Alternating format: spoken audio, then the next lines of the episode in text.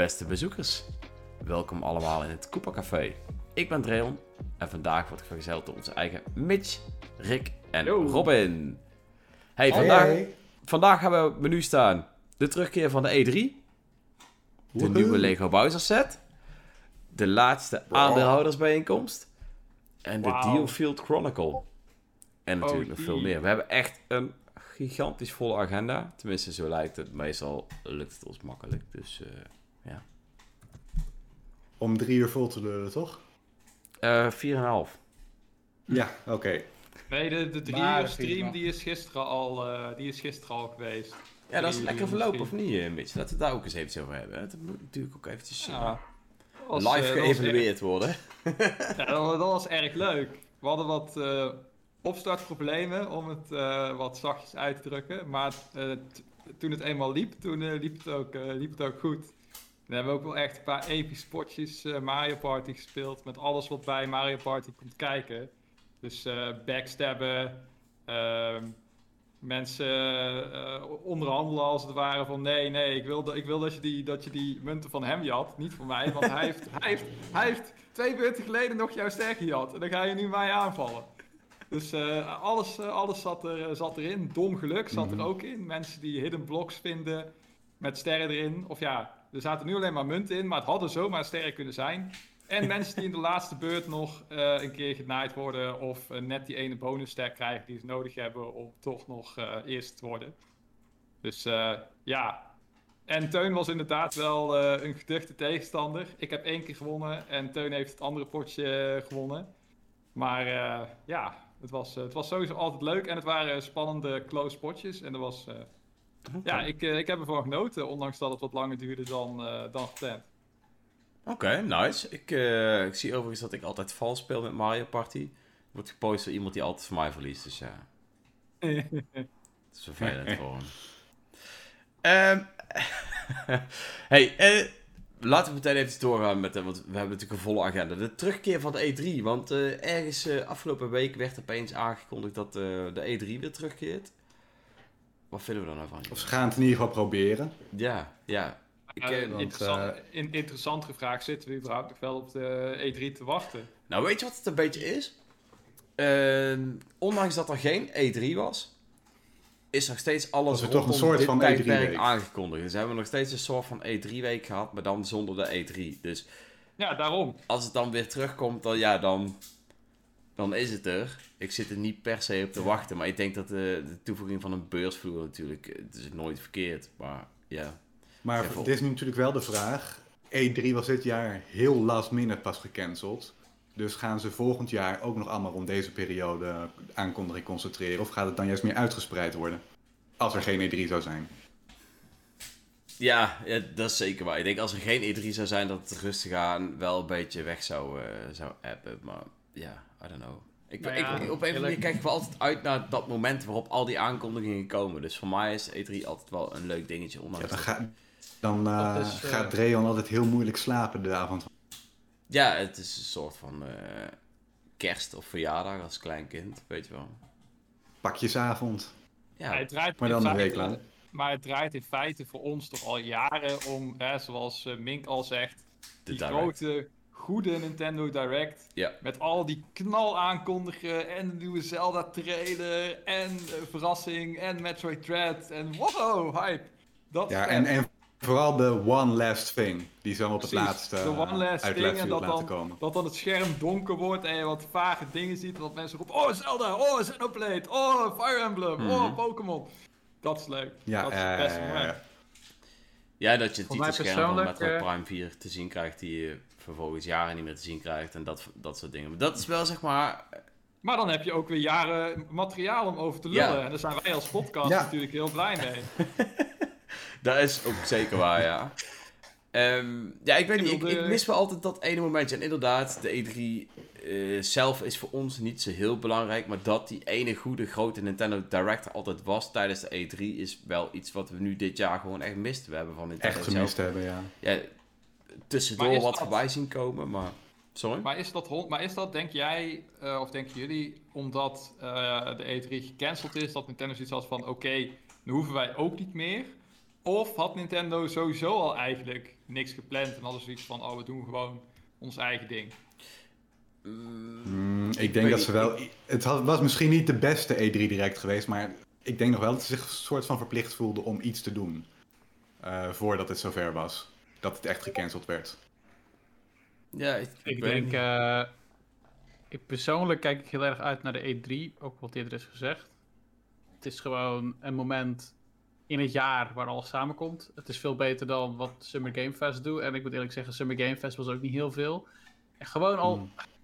gewoon ook kijken naar wat de show was. Het was gewoon heel erg ehm, uitgebreid. En het voelde niet heel erg aan elkaar vasthangend. Het was gewoon een beetje los en ik Hmm. weet niet, heel Ja. erg te commercieel. Terwijl E3 juist veel meer gefocust voelt. Eh, ik ben wel benieuwd hoe het nu gaat worden in combinatie met E3 en eh, Summer Game Fest op hetzelfde moment.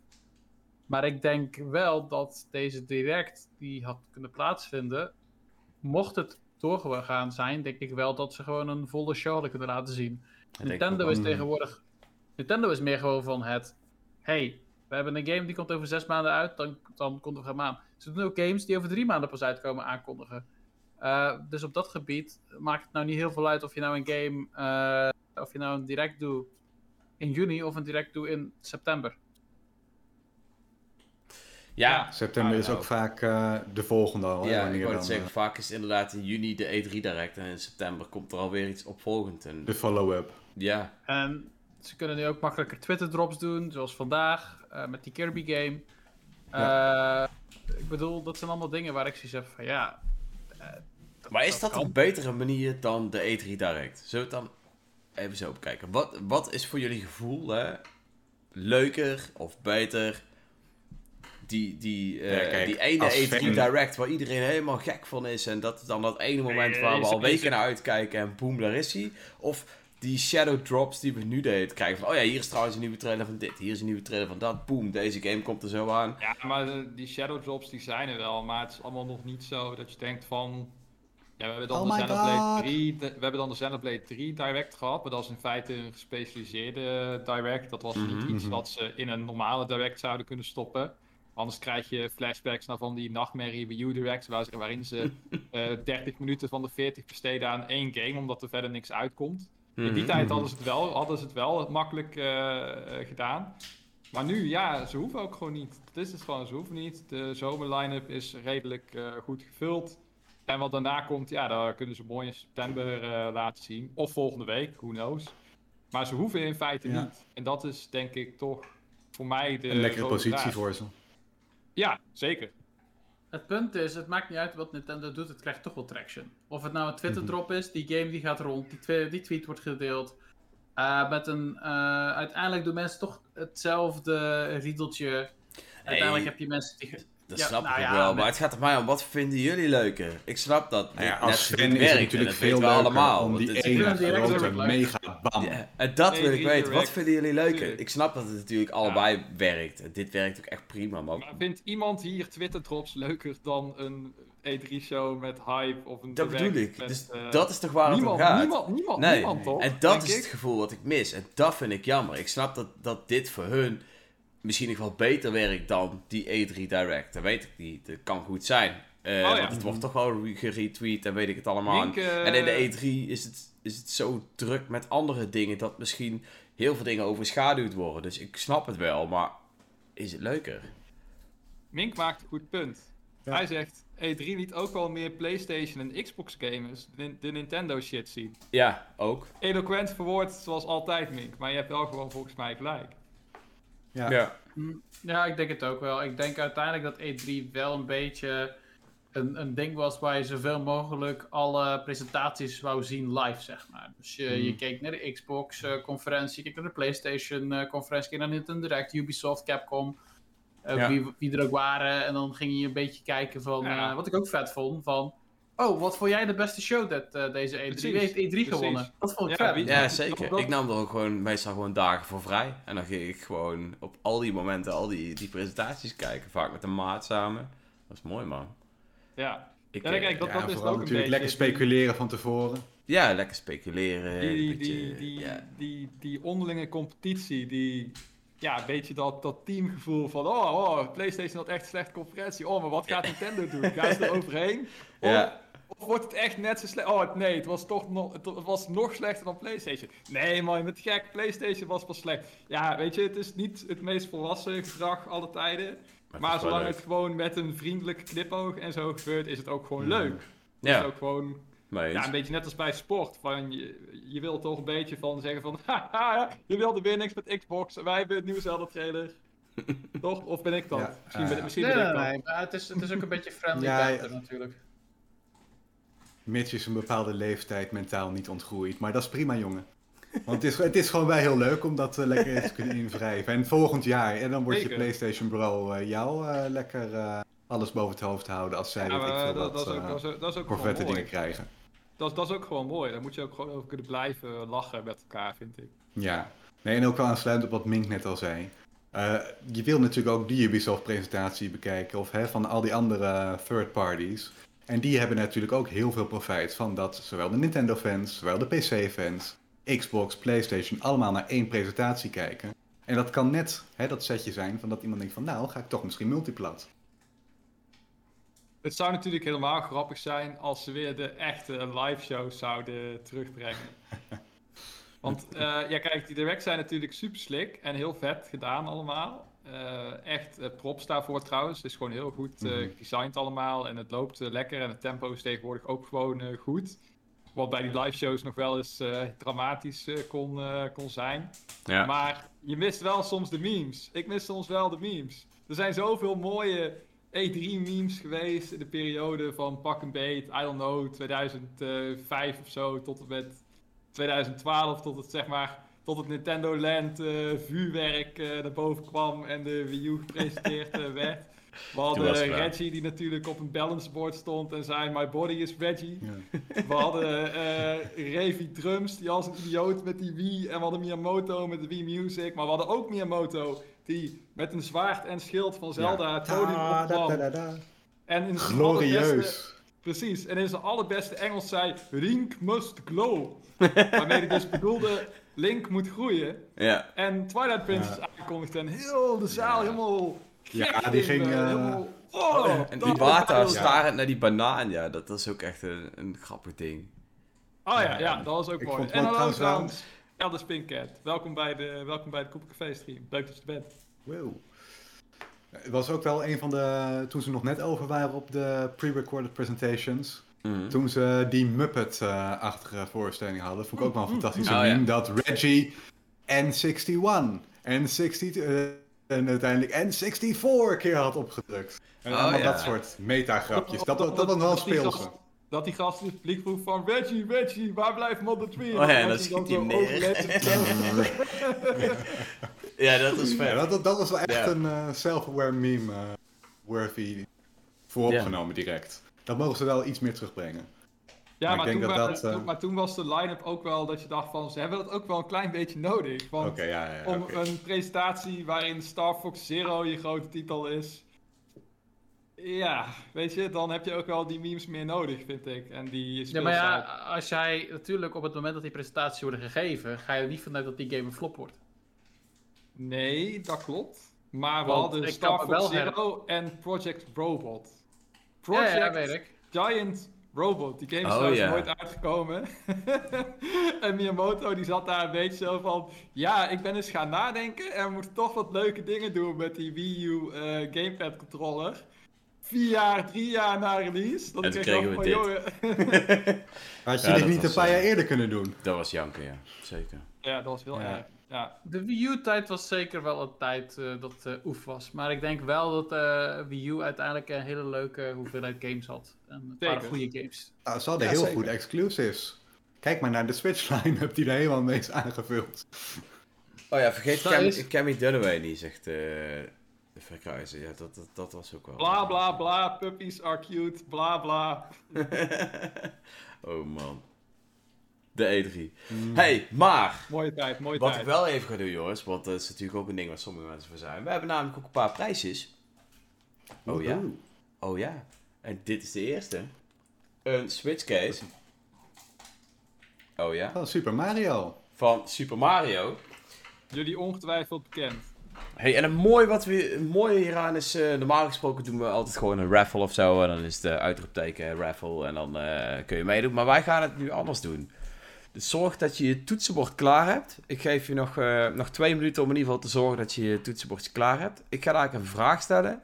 En de eerste die het antwoord goed zegt, eh, die eh, neemt de prijs mee naar huis. Die kan, dan nemen we ondertussen of daarna heeft ze contact mee op. En dan komt dat helemaal goed. Alleen, Mink heeft een fout, zegt eh, 15, mag niet meer meedoen. dat wou ik zeggen. Mink, jij doet niet mee. Maar dat weet Mink natuurlijk al dat hij niet meedoet. Ehm. Dus eh, ja, eh, pak eventjes rustig aan je, je spulletjes. En eh, Zorg dat je kunt typen zorg dat je je kunt mee wilt dingen. En er zijn meerdere prijzen hè, die eh, vandaag uitgaan. Ja. Ja, Klopt. Ja, was, was nog niet de- verteld. Dus het is niet de- alleen de... Ja, het zijn meerdere prijzen. Ik ga niet verklappen het. hoeveel. Het zal ook een Nee, beetje aan liggen hoe vlug alle vragen beantwoord worden. Maar eh dat komt helemaal goed. Ja? Ja maar het gaat, het gaat om je chat, eh Zenny Game Direct. Dus eh, zelfs als je de vraag niet hoort, dan kan je wel gewoon een antwoord typen. En misschien is het goed. Wie weet. Ja, dus eh, als jullie er klaar voor zijn, ik denk dat de twee minuten nog niet gewoon op voorbij zijn. Miyamoto, ik, dan zit je altijd wel... eh, ik vond het lang genoeg, dus ehm, zal ik een vraagje, een vraagje stellen, jongens? Ja? Kan Lees hem eens voor, Dreon. Maak ons gek. Oké, dit, eh, dit is een vraag die kunnen we redelijk vlug beantwoorden, denk ik. Maar eh, ik ben benieuwd.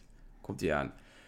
Wanneer is Xenoblade Chronicles Definitive Edition uitgekomen? Zegt u het maar. De, ondertussen gaan wij natuurlijk gewoon verder met onze podcast. En, eh, over, Oh, want eh, we hebben nog steeds geen antwoord. Het duurt heel lang. Mensen zijn inmiddels aan het googlen, speelt Xenoblade. Of, ja, niemand vindt Xenoblade leuk. Dat kan natuurlijk ook. eh. Dat maakt niet uit, dan houden we Ja. de prijs gewoon en dan kunnen we hem een andere keer weer weggeven. Zeker weten. hey, maar jongens, ondertussen gaan wij gewoon verder en zullen we zo eh, laten weten wie er natuurlijk gewonnen heeft. Ehm, de nieuwe Lego Bowser is nu set. aan het googlen. Het duurt wel lang met googlen. Hey, de nieuwe Lego Hmm. Bowser set overigens. Ehm, ja, ik, ik, vet. ja, ik vond hem ook vet. Want het is een, een Lego set voor volwassenen, zoals ik begrepen heb. Een moeilijkere bouwset. Eh, ik had het eh, artikel even geschreven, dus ik vertel. kan het even eh, samenvatten. Ja, zeker. Het is inderdaad, eh, Lego die heeft kennelijk een, ook een 18-plus lijn. En dat is nog steeds family-friendly, maar die eh, zijn dus wel echt eh, gefocust op de oudere fans. Dat zie je ook wel een beetje in de price tag terug. Want deze Bowser kost iets van 230 euro, geloof ik, eh, de set. In ieder geval Maar die, eh, die, zijn, eh, die zijn dan ook, eh, in het geval van deze Bowser is het een, eh, ja, ongeveer zo'n ding. Hè? De- je kan hem ook als decor daarna dat je hem in elkaar hebt gezet ge- eh, neerzetten thuis. En de, de- ja, de, de mechanieken die erin zitten zijn allemaal net wat geavanceerder. Mhm. Er zitten ook, er zitten ook een aantal technieken uit eh, popspel, eh, van eh, puppetry eh, mechanieken in. En eh, het is een collectors item, dus eh, hij ziet er gewoon eh, heel vet uit. Wordt het ook een gelimiteerde com- oplage? Eh, of die beperkte oplage is, weet ik niet. Ik weet wel dat die compatibel is met de interactieve Le- Lego Super Mario set. Er zitten een Oh, paar van die action tags in. Oké, oké. Maar is natuurlijk gewoon bedoeld als eh, je zet hem een keertje eh, in een weekendje in elkaar. En, dan daarna gaat hij ergens in, je, in een vitrine of wat dan ook. Daar is hij voor bedoeld. Ja. ja het, Maar hij is wel echt vet, want je, ook de, er zit ook een, een schietmechanisme in dat Bowser vuurballen kan eh, schieten uit zijn mond. En eh, knoppen om eh, de, ja, de, de kop echt als een eh, marionet te kunnen bewegen. Dus ze hebben er wel echt aandacht, aandacht en moeite in gestoken. En hij ziet er ook gewoon vet uit. Ik vond hem er ook heel tof uitzien. Ik, eh, wanneer, wanneer verschijnt hij? Is daar al een datum op? Ja? Ja, dat was bekend, maar dat moet ik even dan eh, terugzoeken. Zenny Game Eh, Direct zegt trouwens, het is een 18-plus set vanwege de hevige pijn die je voelt als je op zijn Lego stekels stapt. Ja, dat is. Trouwens, een nieuw Lego-element voor de, Le- de Lego-fans onder ons. Die stekels, daar hebben ze een nieuw eh, blokje voor bedacht. En dat is binnen Lego-kringen eh, breaking news, kennelijk. Hij is Oh, vanaf echt? 1 oktober trouwens verkrijgbaar. 1 oktober. Oh, dat is, de, dat is al eh, redelijk veel. Ja, best snel. Een soort van shadow drop haasten. Ik, eh, ik zit even vlug te kijken, want dat is toch altijd wel leuk om even vlug... eh, Maar hij ziet er echt heel tof uit, joh. Damn. 32 vond centimeter het hoog is ook eh, best wel, best wel een mooi, mooi beeldje. Het is ook best een dure, dure set. eh, ik geloof dat die, eh, de MSRP Ja, of zo stond op 260. of zo. 230. Oh, Ja, dat moet ik ook Dat de duurste van allemaal, geloof ik, eh, voor eh, wat eh, de prijzen zijn. De, de aanbevolen prijs in Europa volgens de Lego Store is 229,99 euro. Dus 230. Oké. Dat is ook gelijk aan 230 eh, dollar momenteel. Ja, dat eh, doen, doet zowel Nintendo als Lego helaas. Eh, Dat is wel echt ziek ze duur ze het dollartekentje uit en zetten er een eurotekentje bam Ja, maar voor. die euro en dollar staan ook bijna gelijk momenteel. Dus eh, Hmm. voor één keer hebben ze denk ik redelijk punt. maar het blijft, Ja. het blijft verdomme veel geld, vind ik. Ja. Nou, als ze dat nu ook heel- blijven... Wij hebben natuurlijk Ja. ook belastingen in de prijs inbegrepen zitten. Hè? Dat doen ze in Amerika niet. Dus Klopt. dat eh, vertekent ook nog Ja, wel eens. Klopt, ja, dat is waar. Nou, als ze Oh. dat blijven doen met eh, de komende eh, eh, veranderingen, mocht de dollar ooit meer waard worden, dan is het heel goed. Robin die bankt op de petrodollar. Ik heb eh, overigens ik- ik- eh, tot nu toe alleen nog maar de, het antwoord 2020 voorbij zien komen. Wij willen natuurlijk de precieze release datum weten, jongens. Kom nou, dit is eh, 2020, dat, eh, dat weet ik ook. Maar Zo! iets, iets, iets beter je immer beste, jongens. streng, maar rechtvaardig. Ja, En als het op Xenoblade meer. aankomt, dan moet je goed presteren. Precies, Ja. dan verwacht hij meer. ik verwacht meer, jongens. Volledige datum. Oké, eh, sorry, ga verder. Nou, Lego set is cool, maar Ja. duur. ja, dat is zeker. Dat is... eh, Daar komt Ik het ben op wel neer. De verdict. ik, eh, ik begin er gewoon niet aan. Dat is eigenlijk mijn, eh, mijn verdict. Want als Waarom ik helemaal begin niet? aan die legers... Ja, eh, Ja, dan staat zijn hele kamer eh, straks vol. Dat. Eh, jullie zien het niet, maar zeg maar aan de andere kant van mijn kamer eh, zitten allemaal Amiibo. En die zitten allemaal verstopt bewust daar, met een paar hier. Omdat eh, ik ook begonnen ben met één Amiibo ooit. En nu mezelf heb gevraagd, weet je wat? Ik wil alle Smash Amiibo's hebben. En dat is een slecht idee.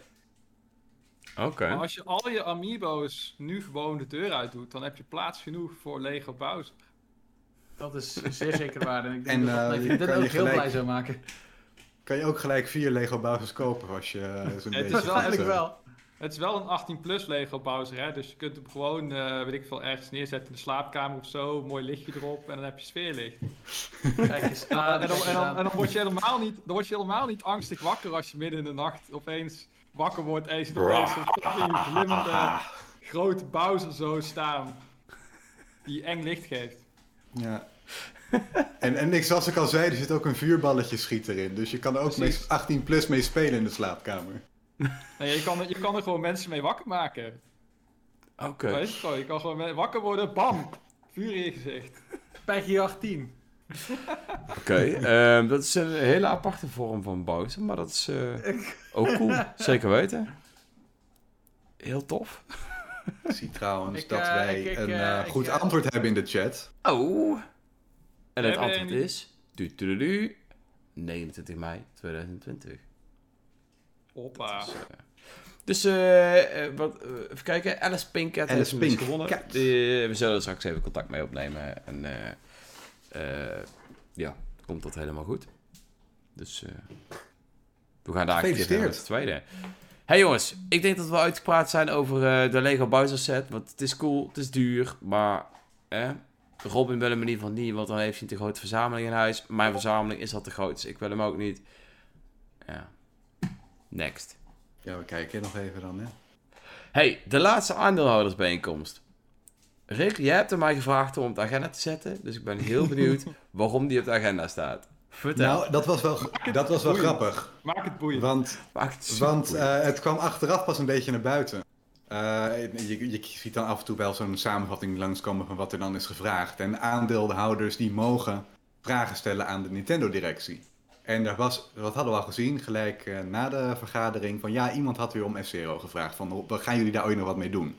Maar nu bleek een paar dagen geleden, er was dus een diehard Nintendo-fan, die heeft 40.000 euro omgerekend aan aandelen opgekocht, zodat hij de kans kreeg om Furakawa-san en eh, co. eindelijk te vragen, guys, waar blijft mijn fucking F-Zero?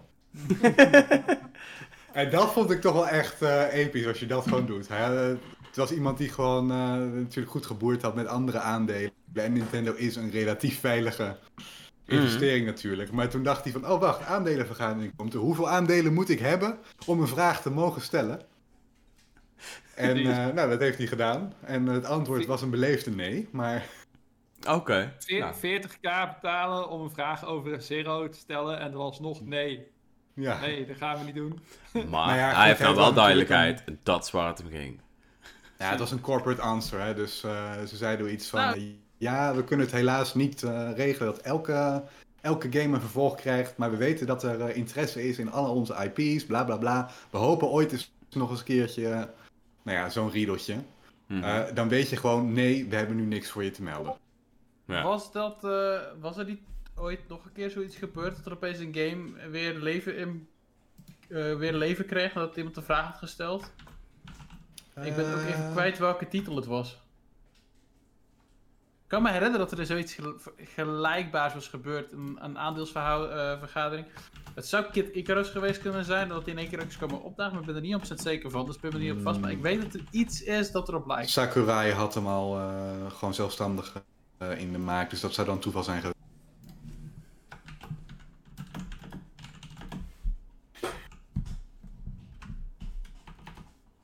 Ik vind het mooi. Maar goed, dat is dus waarom, het toch wel even, waarom ik het toch even wilde, eh, Oké. wilde delen. Oké. Maar verder is er niks apart verteld in die... eh, Ja, god, eh, dat ze weer een aantal nieuwe strategieën hebben om interne leks te, te voorkomen. Want ze zijn nu met Tencent een- in een partnership om ook de Switch naar China te brengen. En eh, nou ja, China nemen ze NDA's, hè, Non-Disclosure Agreement, niet zo heel eh, nauw. Dus er waren een aantal dingen gelekt uit broncodes en dat soort dingen.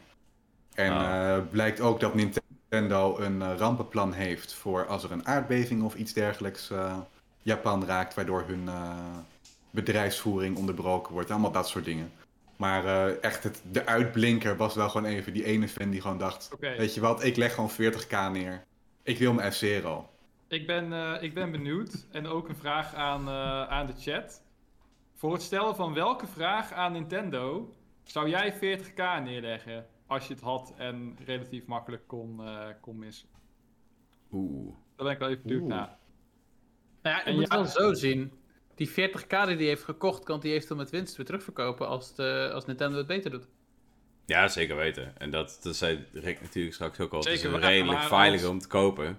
Ja. Dus ja. Het is wel hier, grappig, gaat wel, want- hier gaat wel iets mis in het plan. Want als F-Zero daadwerkelijk uitkomt, dan moet Nintendo geld spenderen aan F-Zero, wat vervolgens niet gaat verkopen, waar vervolgens de aandelen Ja. dalen. Mhm, mhm. Ja, oké, dus dat is wel dedication. Maar normaal gesproken is Nintendo best een veilige eh, investering.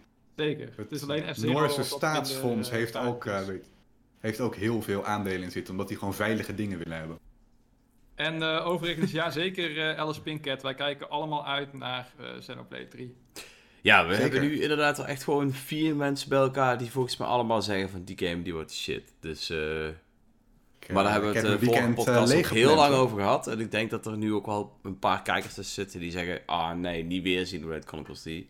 Dus ik denk dat we deze, deze podcast een keer iets minder vaak over gaan hebben. Oké, we, Wat, wat is dat voor bullshit? We, hebben, we, hebben, we hebben antwoord. Oh, we hebben een vraag uit de chat. Sandy Oh. Game Direct zegt: Waar is de nieuwe Poolblocks, Nintendo? Poolblocks. Dat was ook best een leuke game, ja. Ja, Damn. Dat is En een game waar je niet- nou nooit zo vaak iets van hoort. Dus dat vind ik een hele goeie. Eh, Dion zegt: eh, Wanneer Modder Free nou eens naar Europa komt? Ja, die vraag. never. Die kan je zo vaak stellen als je wilt, denk ik. Maar dat gaat niet eh, veranderen voorlopig. En Fallout Mink zegt... Ik zou ze vragen waarom ze de westerse ontwikkelaars niet meer overnemen. En dat Hmm. vind ik best een interessante vraag. Want wanneer heeft Nintendo voor het laatst een westerse ontwikkelaar overgenomen? Twee jaar terug. Next Next Level Level Games. Games, Canada. Oké. Ja, is het Canada. Oké, cool. Slechte vraag, Mink. Maar, Maar wanneer daarvoor? Wanneer daarvoor? Oh. Wanneer daarvoor? Ja, dat ja. zou nog wel eens gewoon retro kunnen zijn geweest. ja, Retro de studio is Studios, misschien wel. Ja. Dus dat is echt heel lang geleden dan. Maar wat Mink inderdaad ook wel zegt, Next Level Games was al basically second party. Next Level Games deed al Ja, alles ja. volgens mij alleen nog maar voor Nintendo, dus... Ja, die hadden contractueel afgesproken dat ze alleen nog maar Nintendo games deden. Dus dat was echt wel een heel logische overname. Ja. Zeker toen de oprichters eh, van hun aandelen af wilden. Toen zei Nintendo van, ja, eh, kom maar hier met studio. Eh, zijn we Ja. toch weer terug bij de aandelen. Het zou, Ja. eh, het zou hetzelfde kunnen gebeuren met, eh, ik geloof intelligence systems ook nog steeds. eh, Officieel nog steeds niet, hè? ja, officieel nog steeds eh, niet bij eh, Nintendo hoort, nog steeds second party is. Eh, Game Freak is ook officieel onafhankelijk, Ja. maar dat zie ik dan weer Ja. niet zo snel gebeuren. nou ja, Omdat, ze, Nee. omdat Nintendo alle rechten op Pokémon al heeft, dus waarom zouden ze? Maar ja, maar ja. en waarom zou je die studio willen? Hè? sorry Game. Freak, sorry. Ko- Koop ze aan Monolith Soft, vandaag nog. Oeh, ja. Ja, dan krijgen ze misschien eens een keer goed les. Eh, nee, ze kunnen best wel wat. Wel? Wat dan? Ja, maar het, Nee, blijft, maar, het, ehm, blijft, het blijft toch grappig als je zo'n Xenoblade ziet en dan dus een Pokémon naast Het is heel dan- interessant om te zien om inderdaad hoe verschillende studios binnen Nintendo inderdaad zo verschillend zijn Ja. in wat ze kunnen in development. Het is heel apart dat, dat, dat Het ligt, zo ver, eh, het ligt zo ver uit elkaar dat mijn handen gewoon niet ver genoeg. Niet, Kunnen. niet meer op scherm passen. ja, ik snap het. Nee. Op zich zou het trouwens ook wel een leuke zijn, maar die komt van Ubisoft, maar daar is het nu toch aan het donderen. Eh, als ze de Ubisoft studio die Mario plus Rabbit heeft gedaan een keertje eh, zouden zeggen van kunnen we die niet even losweken van die studio, die willen wij. Dankjewel. En de rest mogen jullie zelf. eh. Ja, Assassin's Creed zo. mag je houden. Ja, zeker weten. Ja, nee, maar gewoon hè, van die Davide Soliani en eh, gewoon dat, dat team dat daaraan werkte. Ja, dat die, Ja, even, die, een eh, nieuwe do- dat die even een nieuwe eh, 3D eh, Donkey Kong gaan maken of zo. Of een. eh, Nou, dat. Of iets. of en dan mogen ze Grant Kirkhope ook gewoon uitnodigen hoor. Die wil wel eh, helpen. Zeker. Ja, Ja, Grant, nou ja, Grant als, je, Kirkhope is ook welkom. 100%. als je die studio eh, op zo'n Donkey project zet, eh, die, die bellen gelijk Grant Kirkhope. We hebben, technisch, we hebben technisch gezien over het algemeen een alcoholvrij eh, beleid in het Koopa Café. Maar voor Grant Kirkhope zet ik wel een biertje klaar. Oh ja, zeker. Grant Kirkhope is echt een baas. Ja, een biertje, die krijgt eh, koffie, krijgt alles. maar wat hij maar wil. Irish coffee. Als hij wel daarna eventjes eh, de fantastische piano in het Koopa Café eh, voor ons eh, een demootje doet. Oeh, ja, dat zou echt lijp zijn. Ik neem aan, eh, Mink, dat je het dan over Animal Crossing hebt. Hé hey, jongens, AC, hè, dat, AC is best Ja, dope. Dat is Animal Assassin's Crossing is Creed. best wel- eh, Animal, Animal Crossing is maar we hadden het over game. Ubisoft, dit is Assassin's Creed. Maar, eh, leuk. ja, Mink zegt basically, over, dus dat, Assassin's eh, Creed is tegenwoordig wel dope. Eh, Heel, dit ben jij en dit is de grap. Hè, wat zegt u? Dat was zeker geen grap. Ik zag aan Robin dat hij kei serieus was. Ik was heel ja, zie je? Dit was echt geen grap. Robin had het serieus niet door. Hij is, ook veel te serieus, hij is ook veel te serieus, die jongen. Veel te serieus. Ik Ja. het gezegd. heb, ik heb het gezegd. Sorry jongens. Daar kun je niks aan doen. Maar, eh ja, Assassin's Creed, best dope, zegt Mink. Cool. Ik, eh, het is wel beter dan vroeger, maar nog steeds, steeds niet het best, denk ik. Het is, geen, het is geen Xenoblade, laten we eerlijk zijn. Het is geen Xenoblade. Daar kijk ik wel echt naar uit. Hey, maar jongens, we hadden het even over Grant Kirkhope. hè. Als we dat nu toch een beetje aan het sidetracken zijn. Wat vinden jullie nou de best gecomponeerde eh, eh, nummers of, of games? soundtrack. Ja, niet per se de soundtrack. Wat vind je nou, van welke game vind je dat hij bijvoorbeeld het best gecomponeerd heeft? Of, eh, daar ben ik wel benieuwd naar. Van Kirkhope heeft best veel gedaan. Kirkhope, oeh, daar zit ik niet goed genoeg in om... eh, Oké. Ja, dan kom je toch uit bij, eh bij Kazooie waarschijnlijk, hè? Dat is natuurlijk het obvious antwoord. Ja. Eh Donkey Kong 64. Er zitten Oh. ook wel een paar leuke deuntjes, eh, deuntjes in, mooie muziekjes. Eh, ik heb gehoord, maar ik heb die game zelf nooit gespeeld, maar onze Kitty heeft hem gereviewd, omdat hij ook te spelen is op Switch. Maar Kingdoms of Amalur, daar heeft hij ook voor eh, gecomponeerd. Klopt. Dat is natuurlijk wel iets heel anders dan je van hem gewend bent, maar ja. Ja, ja maar eh, die Grant die is van, van vele markten thuis. En ook Mario en Rabbids natuurlijk. Eh ukulele. Ukulele. Ja. Nou ja, ik vond zijn. Eh, weet dat hij eh, dingen had gedaan. Bij Smash Brothers had hij die arrangement eh, gedaan van uh, Banjo Kazooie. Die vond ik tof. ja, die was ook zeker vet, ja. Ik, eh Mink zegt, of eh, eh, Dion eh Verkruijsen zegt eh, GoldenEye 007. Maar ik weet niet of Grant Kirkhope die soundtrack heeft gedaan. Volgens mij is dat ook voor een groot deel eh, Graham Northgate, die ook eh, Perfect Dark heeft gecomponeerd. Volgens mij is dat een beetje een mix, verschillende composers. Net als dat bij uh, Ukulele, dat je ook een deel door Grant Kirkhope en een deel door David Wise hebt gedaan. Wat natuurlijk ook ja, de tweede, of eigenlijk de eerste. David Wise is David Wise voor mij nog net nog een niveautje hoger dan, dan Grant Kirkhope, de componist. David Wise, voor de mensen die weten, is componist van Donkey Kong Country series. Mm -hmm. En daar kan ik al een punt achter zetten en dan heb ik al gelijk. Maar ja, hij is de ultieme baas, dus ja. Ja, hij, heeft, hij, is de ultieme baas inderdaad. Ja. Hij heeft echt zoveel vette dingen. Uh, indie games, die heeft hij ook gecomponeerd. Uh, hij, mensen kennen hem vooral van Donkey Kong en van andere rare titels. waar hij echt wel zijn stempel op heeft achtergelaten. Damn, son. Dus ja, maar wat, uh, wat zou jij zeggen, Dreon? Ja, de obvious answer zou natuurlijk wel echt Banjo-Kazooie zijn. 100%. Ja. Maar... Of, uh... Ik denk dat Banjo-Tooie misschien nog wel betere muziek had. Okay. Wel uh, minder herkenbare, zeg maar. Want er zijn natuurlijk bepaalde nummers van Banjo-Kazooie die je natuurlijk nooit meer vergeet. Net als Solera en zo. Maar Banjo-Tooie heeft oh, hij wel nee, echt geprobeerd om... Nu, die speelt ja. Gruntilda's weer in mijn hoofd. Dat bedoel ik. Dus dat, dat heeft hij wel echt heel goed gedaan in het eerste deel. Maar ik denk dat hij met Banjo-Tooie wel echt heeft geprobeerd om... Um, de grootsheid van de wereld, hè, wat we daar dan uiteindelijk ook van vinden in Banjo-Tooie... heeft hij wel met zijn muziek op een perfecte manier weten te, uh, te evenaren, zeg maar. Dat vond ik wel heel tof. En dat, uh, dat merk je ook heel erg met zijn ukulele-tunes. Yeah. Um, daar heeft hij ook echt geprobeerd om, om, om ja, die grootsheid wat meer uh, naar voren te brengen. Dat vind ik echt heel tof. Dus ik denk dat ik die van Toei misschien nog wel beter vind. Ja, nice, ja. nice. Alright, dat was het zijpaadje. Ja, want de rest uh, heeft geen mening, dus dat is cool. Doe jongens. ik zit, hier, uh, zit, zit, zit, er niet diep genoeg in. Uh, maakt niet uit, de nee. volgende keer gaan we het over... Uh, Xenoblade Chronicles hebben natuurlijk. Ace Plus, uh, Yasunori Mitsuda, uh, Hiroyuki Sawano. Dan heb je volgens mij alle Xenoblade composers gehad. ik kan ook, uh, nee, een van mijn favoriete composers is uh, Moto Sakuraba. Ja. Ja, ja, ja, ja, ja. Die uh, ook, ja. Zullen we het anders even hebben over de epische soundtracks van de Nintendo slash Warriors games? Dat is een beetje het enige wat Mitch oké okay vindt aan die games. Oh nee, het is oké. Okay, ik, uh, ik heb ze niet geluisterd, maar misschien dat het leuker is om ook een keer een, uh, ja, een beetje meer aparte podcast te doen over game soundtracks in het algemeen. Wat we de beste soundtracks vinden. Um, Leg het even op de voorraad. We kunnen, we, kunnen, we, kunnen, we kunnen hier nog kunnen hier uren over praten. Over doorpraten, sowieso. Ja. En, misschien, en misschien ook wat fragmentjes afspelen of zo, zolang we niet te veel in de problemen komen met copyright. Copyright uh, gedoe, dat moeten we even, uh, moeten we even naar Dat moeten we even checken, maar als jullie het leuk vinden, laat het vooral weten in de reacties. Want de, we zijn nu gewoon op, opeens on the go. Uh, hebben we natuurlijk wel echt een, een perfect idee. idee.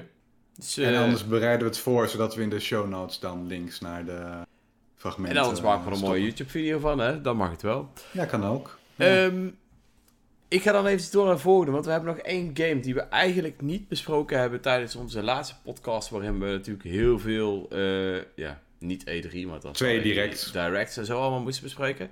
Maar één ding is niet besproken, dat was de Diofield Chronicle.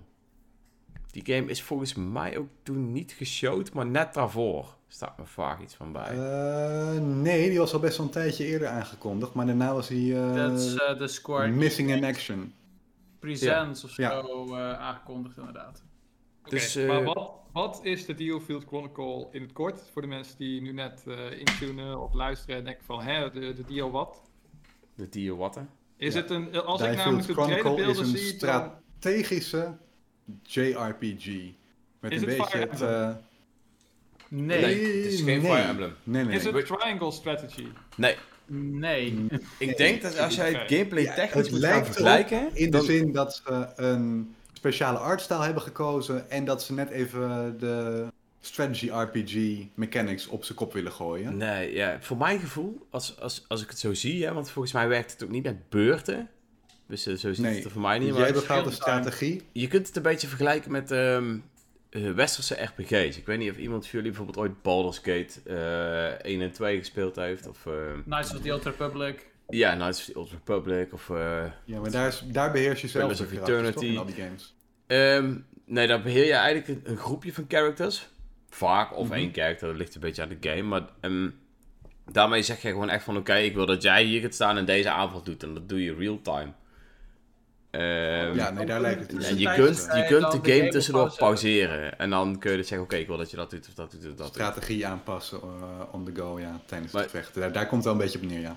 En, en ze hebben dus voor mijn gevoel een beetje een, eh, de JRPG-scene toegevoegd aan een normale westerse RPG. Dus zo voelt het voor mij eigenlijk. Want ik, toen ik dat zag, dacht ik meteen aan de oudere Baldur's Gate games of Pillars of Eternity of zo, zeg maar. De ja, echte westerse RPG's. Dus dat is wel heel, heel tof. Het verschil met wat jij net omschrijft is wel dat je de personages gewoon niet direct kunt beheersen. Je, je mag aangeven waar ze heen gaan op het slagveld. En of ze moeten aanvallen, verdedigen, et cetera. Maar wat ze precies doen, dat doen ze allemaal eh, automatisch. Je kan Ja? alleen eh, special attacks eh, orderen. Ja, ja, ja oké. Maar maar- voor de rest doen ze Ja, alles. maar dat is ongeveer hoe zo'n game werkt. Je zet hem ergens neer dan volgens mij ook als je dan niks selecteert, maakt hij ook zelf een keuze bijvoorbeeld. Maar dat is... Voor Ja, mij dat is de standaard dus. heel erg op, op, ja, het ligt heel erg op zo'n game. Maar Het is ook Ja. een beetje vergelijkbaar met gewoon real-time strategy, Age of Empire-achtig, waar je eigenlijk een beetje hetzelfde Mhm. doet. Je pakt je ventjes, je gooit ze ergens naartoe en ze doen een ding. Ja, daar kun je het wel mee eh, vergelijken. Oké, dat klinkt heel anders dan wat ik gedacht had. Want toen, ik het zag, was mijn eerste gedachte: oh, dit is budget triangle strategy met een ander eh vechtsysteem. nee, helemaal Dat is niet. het dus totaal, eh, totaal niet. Oké. Nou, Ja, ik nee. snap het wel, want de game werd aangekondigd echt heel kort nadat Triangle Strategy was Nou. uitgekomen. Dus heel veel mensen hadden een beetje, oh cool, ze hebben nu een Triangle Strategy met eh, 3D-modellen. Dus heel veel mensen dachten precies hetzelfde.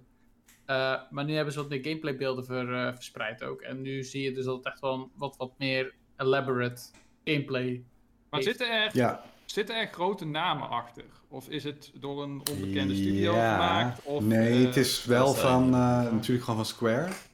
Ja, dat snap Maar ik. er zitten, wel, er zitten wel wat in industry legends achter. Maar ik weet even niet uit mijn hoofd. Maar zijn Wie er ze ervoor die weet ik aan Final Fantasy gewerkt hebben? Of aan Final Fantasy Tactics? Of aan... eh, Ik ben eh, de Google aan het doen. Hashtag MeToo. Even kijken. Even kijken, ik ben aan het zoeken. Nee, ik kan zo snel niet echt vinden wie eh er aan gewerkt heeft. Dus eh, nee, geen, You, geen goede namen. Ik kan het wel eh, terugvinden, want we hebben het gewoon in het gameprofiel op onze eigen site staan. Hashtag check onze gameprofielen. We stoppen er veel werk Ja. en moeite in. Ik, Tenminste, Rick doet dat. Nee. en wie is het dan? Wie is er zo Mitch. speciaal volgens jou dan? Yu Oshima schrijft het scenario. Die werkte eerder aan Fire Emblem Awakening. Het Oh, concept art is van iemand die heeft gewerkt aan Final Fantasy 12 en 13. Eh, en Ja. iemand die aan Game of Thrones, Westworld en Pacific Rim heeft gewerkt, doet de soundtrack voor de game. Dus dat zijn best Oh, ja, wel wat grote Ramin namen. Djawadi. Ja. Doet Ramin Djawadi de soundtrack? ja, dat wist ik ook niet. Dat is wel sick. Daar hebben ze daar als budget aangegeven of zo. Dat is, eh, dat is sick. Oké. Dat Maar gewoon dat is wel halverwege, dat je gewoon halverwege de game dat het gewoon overgaat in een text-based eh, eh, RPG. Omdat ja, sorry. maar wel met een de epic soundtrack. Budget is op. De het budget is op. Het is wel Oh, interessant, nee. want ik vond ook dat ze bij Triangle Strategy hadden ze uiteindelijk eh, de persoon achter eh eh, Fullmetal Alchemist eh, gebruikt Ja, als ja, composer. ja.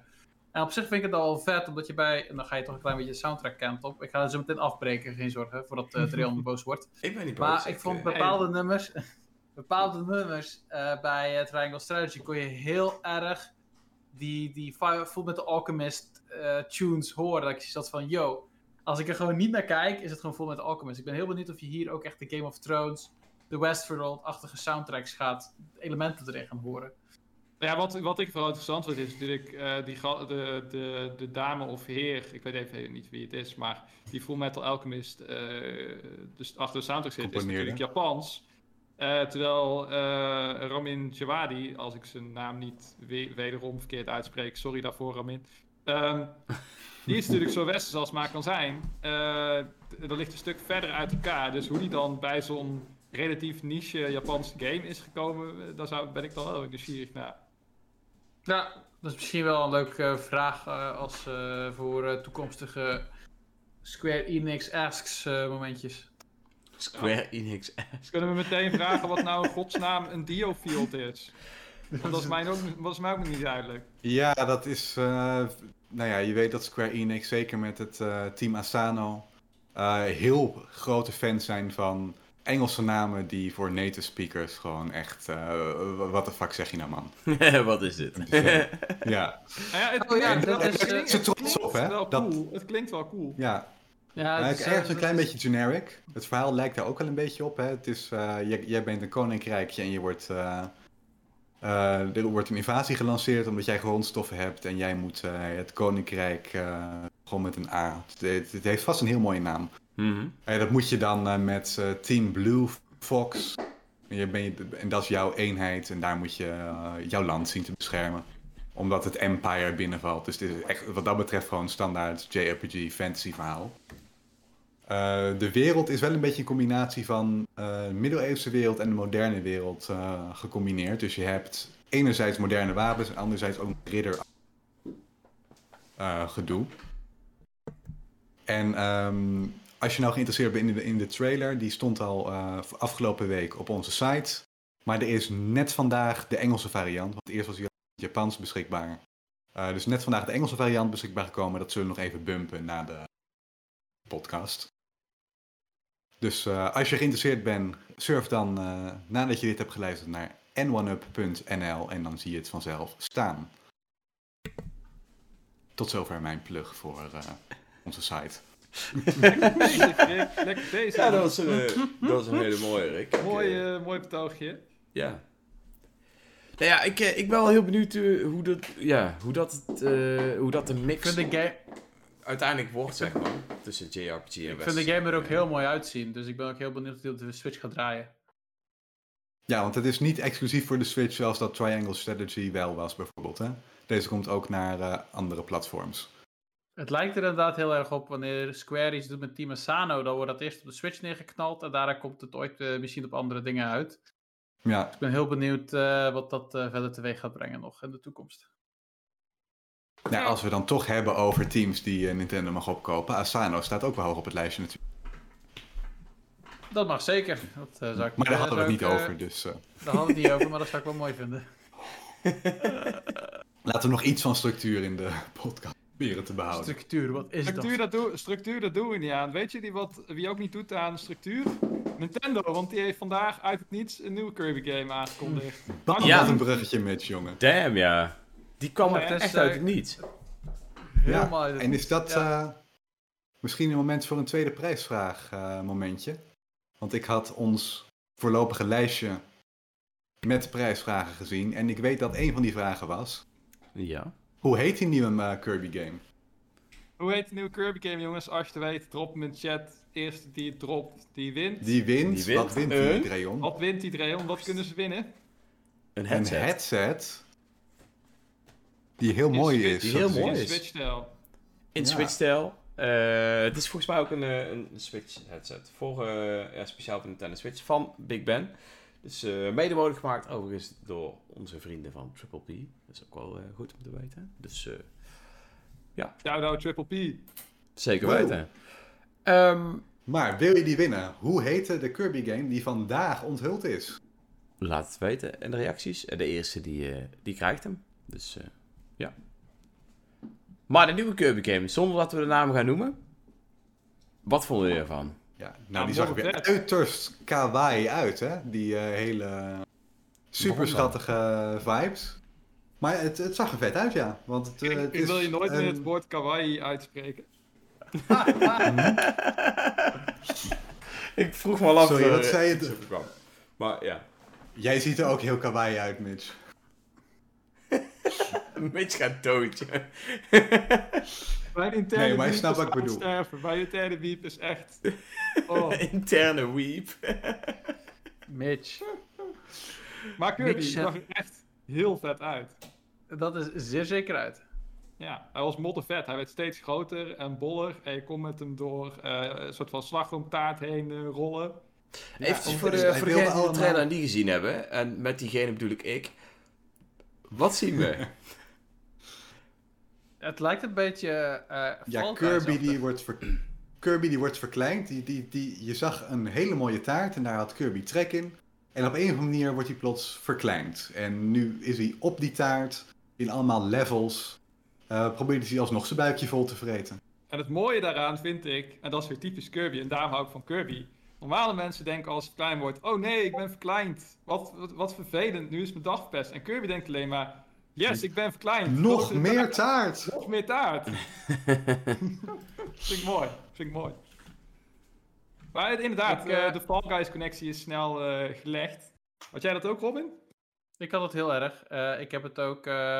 Ik liet de trailer zojuist eh, aan mijn vriendin zien. En die had zoiets van: Oh, deze is wel leuk. En toen had ze zoiets van: We moeten Kirby nog uitspelen. Dus eh, ik geloof dat we binnenkort weer Kirby Co-op gaan spelen.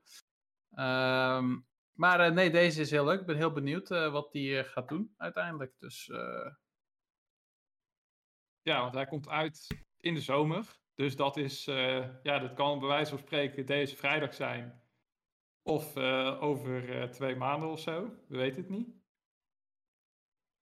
Ja, dat hebben ze nog niet helemaal bekendgemaakt. Eh in Europa wordt het in ieder geval een eShop exclusive title. En dat impliceert meestal ook dat het niet een full price game wordt.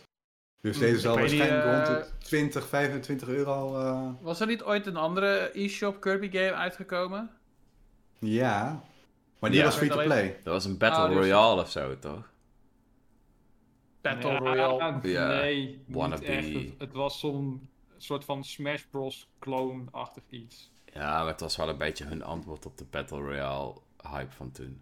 Met vier. Mhm. Dus dat was wel echt leem. En ik denk wat Sandy Ja. Game zegt. Ik denk 20 euro wel een redelijk goede richting is wat je kan verwachten voor zo'n game. Ik ben wel benieuwd wat ze, wat ze, wat ze ermee gaan doen uiteindelijk. Eh, of het echt maar vier spelers is bijvoorbeeld. Of dat je uiteindelijk met meerdere spelers kan spelen. Ik ben eh, wel benieuwd. Maar het is wel een beetje geloof ik ook in de stijl van... ehm, het is voor de Kirby Anniversary. Ik geloof dit jaar werd die 30 geloof ik. Kirby. Dus Ja, ik denk dat ze daarom ook wat meer Kirby eh, games eh, komen. Maar ze doen het niet echt als, als 30 jaar 4 of zo. Maar wel leuk om te zien dat Nee. Kirby veel meer wordt gepusht momenteel. Nou, sommige- Nintendo mag wat mij betreft sowieso wel vaker van die kleinere games er tussendoor eh, pushen. Want het zijn gewoon hele leuke tussendoortjes. Hele leuke snackjes. en, en eh, een aantal dingen die ook wel interessant zijn. Het is deze keer geen eh, spin-off van een bestaande Kirby minigame. Waar ze Hmm. nu een, zeg maar, een standalone titel van hebben gemaakt. Dus het is echt volledig eh, origineel. En ten tweede, ik kreeg ook al meteen appjes binnen in de eh, N1 eh, groepschat van... Hey Mitch, dit is echt een leuke streamgame man. Dit moeten we op stream gaan, gaan spelen. Dus eh, ja, ook dat. Het ziet er wel ook echt wel uit als een echte multiplayer eh, eh, ervaring. Ja. Eh, ja, zo werd hij ook wel neergezet in de trailer. Je zag ook op heel veel plekken dan die vier Kirby's. Met, eh, nou, Kirby is normaal natuurlijk roze, maar nu waren er ook een gele en blauwe bij. En daar kan je dus tegen elkaar opnemen in, eh in de game. Races. Ja, Ja, damn. Ik, eh, ik ben benieuwd. Misschien is het de Kirby game die ik weer ga spelen. Na jaren. Maar over... eh, dan ga ik heel eventjes eh Robins geruchtenmolen even aanzetten. Zo heb ik gelezen dat er dus deze week meerdere drops gaan plaatsvinden. Dit is geen inside informatie, dit is puur wat ik op het internet zie, wat speculatie. En Mitch is als de dood van mijn speculatie, want ik denk dat het altijd poep is. dat is niet waar. Ik denk dat het 80% van de tijd poep is. Maar dat is niet altijd. Ik heb wel, ik heb wel ongeveer 90% gelijk gehad wanneer ik 100% zeker ben, maar oké. Oké, ben je het 100% goed. zeker nu? Nee, dat niet. Ik, eh Nou, dit is ook niet dus dan is het toch Als ik echt... Dus het kan poep zijn. Nee, maar ehm, zo zou er deze week ook nog een eh Twitter drop komen van Bayonetta 3. En zou ook nog eens een Oeh. Pokémon trailer krijgen. En Wave Ja. 2 van Mario Kart staat op de ding. Ik vind het een volle week. Dat is wat mensen zeggen. Ik ben heel... Nee. Nee. Hey, Oké, nu. Dat- Hoeveel, ding- hoeveel van deze dingen gaan uitkomen? We hebben dus de Pokémon trailer erop. We hebben Die een Bayonetta 3 trailer erop.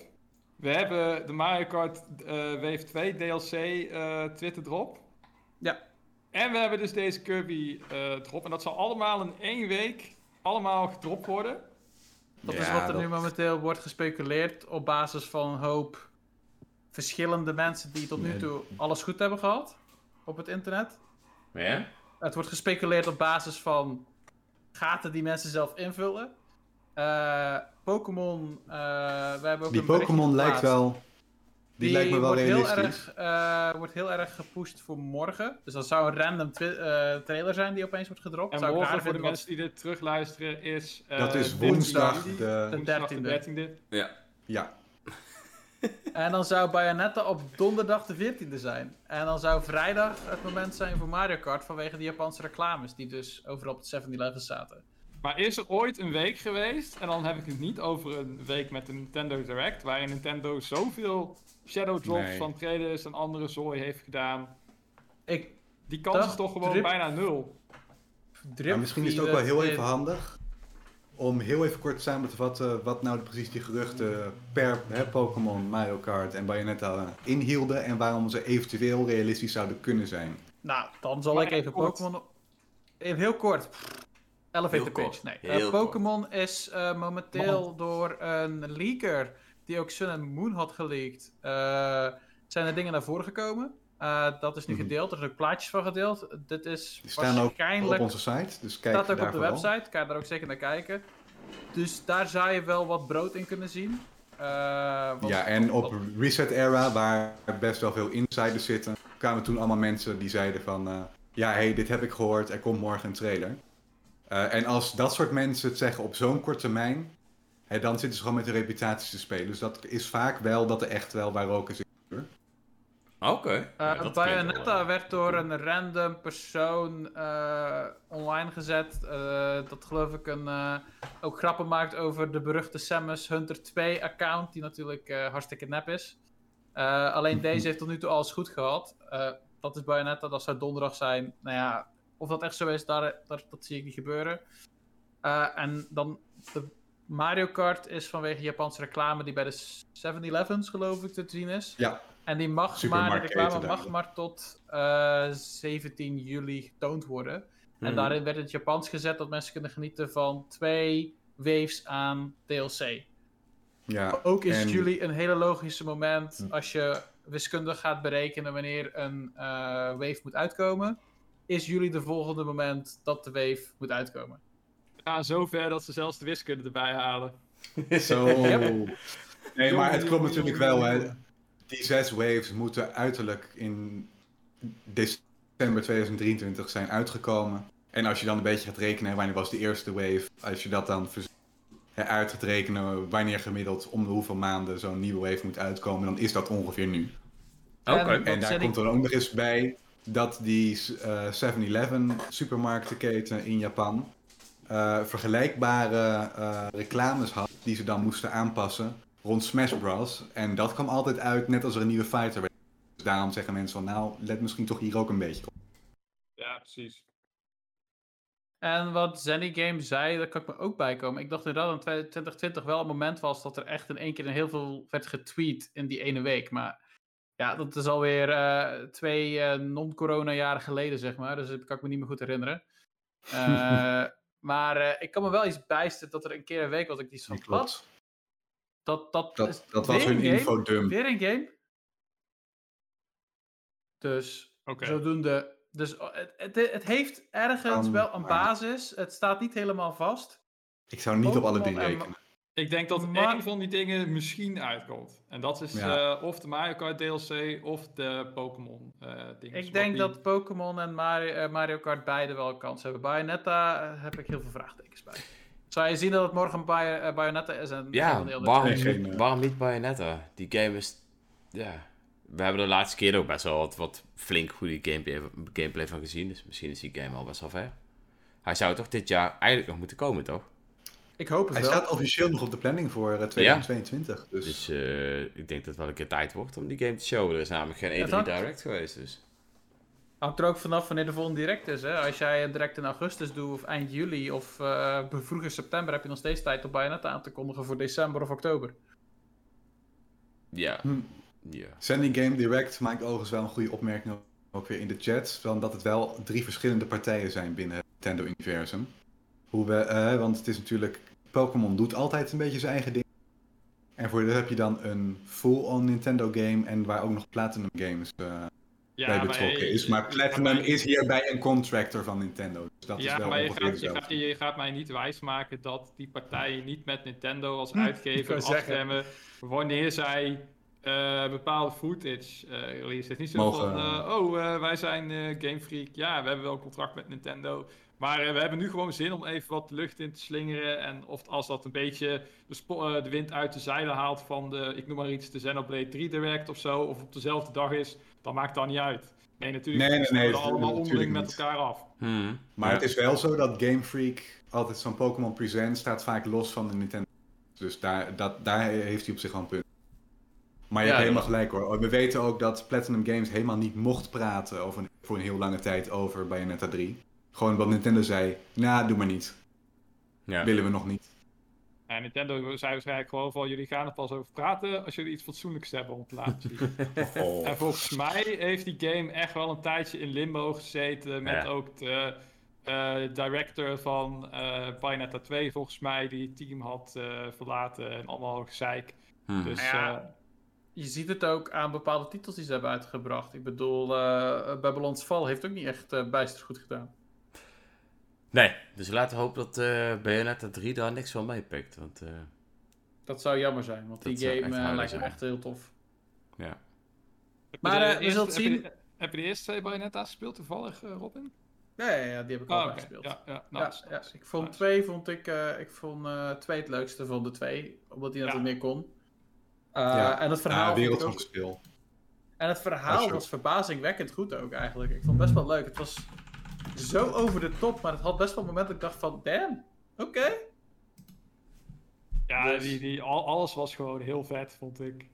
Ik vond alleen, ik vond alleen dat eh, finale van 1, die hebben ze niet overtroffen.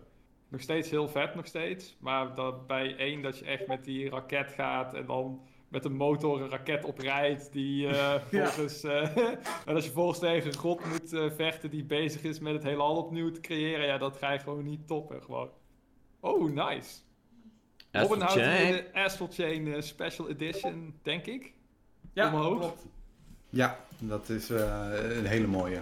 Ik denk, waar Robin ik, ik, ons jaloers mee maakt. ik heb het nog steeds gezegd en ik twijfel inmiddels wel steeds meer sinds de re-reveal van Bayonetta. maar er is nog steeds een deel van mij dat denkt dat Astral, 2, eh, Astral eh, Chain 2 eerder uit gaat komen dan Bayonetta 3. Dat ze gewoon Ik zou dat niet erg zeggen Waarom op een gegeven moment gewoon zeggen van, hier is Astral Chain 2. We hebben er al, ik weet niet, twee jaar aan gewerkt. Hij komt over drie maanden uit. Veel plezier hè. De eerste was ook vrij laat aangekondigd. eh, Klopt. Maar Die een paar was maanden zo random. uitkwam. Dat was echt heel random. Dat was gewoon, iedereen was op Bayonetta aan het wachten. En in één keer komt die trailer. En was van, daar is Bayonetta. En in één keer is het, nee, dit is Astral Chain, een nieuwe IP. Die wel heel goed was trouwens. Ja. ja, ik zou, het echt niet erg, ik zou het echt niet erg vinden als dan Bayonetta 3. Want ik heb de eerste twee games wel gespeeld, maar Bayonetta klikte qua combat voor mij nooit. Maar bij Astral 2 had, had ik dat wel. Dus Damn, die Oh, nice. Bayonetta combat Nice. is echt... Terwijl Astral Sick, Chain is jongen. veel minder eh, toegankelijk qua combat. Ja, vond ik dus ook. wel meer... er eh, zit ook ja. jaren verschil in hoor. qua Ja. besturing En, is het net eh, wat ingewikkelder. Ja, want je moet moest iedere wat keer wisselen van, van, van, hoe noemen ze die? Ik wou Blade zeggen, maar ik weet ook niet meer hoe die dingen heten. Ja, nee, die, eh, eh, eh, de Legion. En je Legion. hebt dus ja, je, hebt je, hebt je eigen character, je hebt je Legions waar je tussen kan wisselen, die Ja. ook weer special moves hebben en weet ik wat allemaal. En dan heb je nog de ketting die je tussen hun twee Oh ook ja. weer Ja. kan Ja. besturen en om eh, vijanden heen wikkelen en zo. Dus het is best wel veel in het begin dat je denkt van, oh, dan moet ik even wennen. En als het eenmaal klikt, dan klikt het. Maar het is wel net wat hogere instapdrempel dan een Bayonetta, waar je gewoon, Dat was oké, hè? heavy attack, light Ja. attack, dodge, let's go. Ja. Ja, Ah, kan ook aan de eh, setting liggen hoor, dat dat misschien beter bij mij klikt. ja, zou kunnen. Oh, dat, kan ook, ja, zeker. Een eh, maat van mij die had eh Astral Chain samen met mij eh, tegelijk gekocht. We waren tegelijk begonnen, maar hij kwam er niet doorheen in het begin. Hij was er ook mee gekapt. Nu zag ik hem enkele maanden geleden, zag ik hem Astral Chain spelen. Dus ik stuurde een berichtje, ik zie dat je Astral Chain wil spelen. En hij zei ja. Hij zei, en ik heb hem nu geplatinumd. Dus hij had alles op platinum gehaald. En ik denk, Wat? damn. Oeh. Ik denk, damn, wat heb je echt wel flink bezig geweest. Maar wacht, hij heeft dus letterlijk ieder hoofdstuk heeft hij op de hoogste ranking. En hij heeft al ook die- al die, al die challenges. al die challenges, want die zijn echt Ja. ziek moeilijk, hè? Ja, die en er zijn er echt iets Hij van... is, eh, eh, hij is completionist, dus hij, eh, hij haat het ook Holy wel. Maar eh, hij heeft uiteindelijk gezegd van ik ging ervoor. En eh, hij, heeft, hij heeft ook een foto gedeeld geloof ik toen. Dus ik had zoiets van, damn. Ik heb toen ik de eindbaas had verslagen, waar ik, ik heb hem op normal gespeeld denk ik. Of op hard. Ik denk normal. Mhm. Ik weet niet meer. Een van de twee. En toen bij die eindbaas had ik zoiets van... Ik kan me niet ingillen in de, indenken hoe moeilijk die is. Is op platinum, die op de moeilijkste moeilijkheidsgraad, zeg maar. Ik kan me daar niet indenken. Want dat... eh, op sommige gevallen was normal, zeg maar, al moeilijk. Maar ik, heb, ik heb de game eh, wel uitgespeeld op de hoogste moeilijkheidsgraad. En ik ben, of in ieder geval al die missies gedaan, eh, of die boss fights. En ik ben, daarna ben ik begonnen aan die extra combat challenges. En dan zie je er acht staan. Dus ik dacht van, oh, die zijn echt moeilijk. Maar het zijn er maar Krijgt acht. iedere keer meer. Maar daarna unlocken er weer 10 en daarna unlocken er 20. En ze worden op een steeds gegeven moment- moeilijker. Op een gegeven moment was ik bij nummer 57 of zo, of ergens in de begin 50. En toen ging ik op internet opzoeken en er waren- zijn er gewoon 80. Ja, 80 challenges. Ja, 80. En toen dacht ik van, Wow. oké, nee, dit, eh, doe je. ik vind het wel mooi geweest. Ik heb eh, 70 Mhm. uur in die game gestoken, ik vind het wel mooi.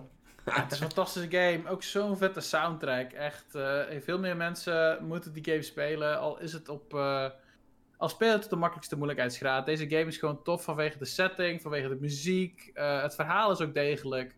Is Ja, ik heb, het ook, ik heb het ook aangegeven toen in mijn review. Juist ook voor mensen die denken van, oh ja, Bayonetta is niks voor mij, te veel alleen maar vechten, dit en dat.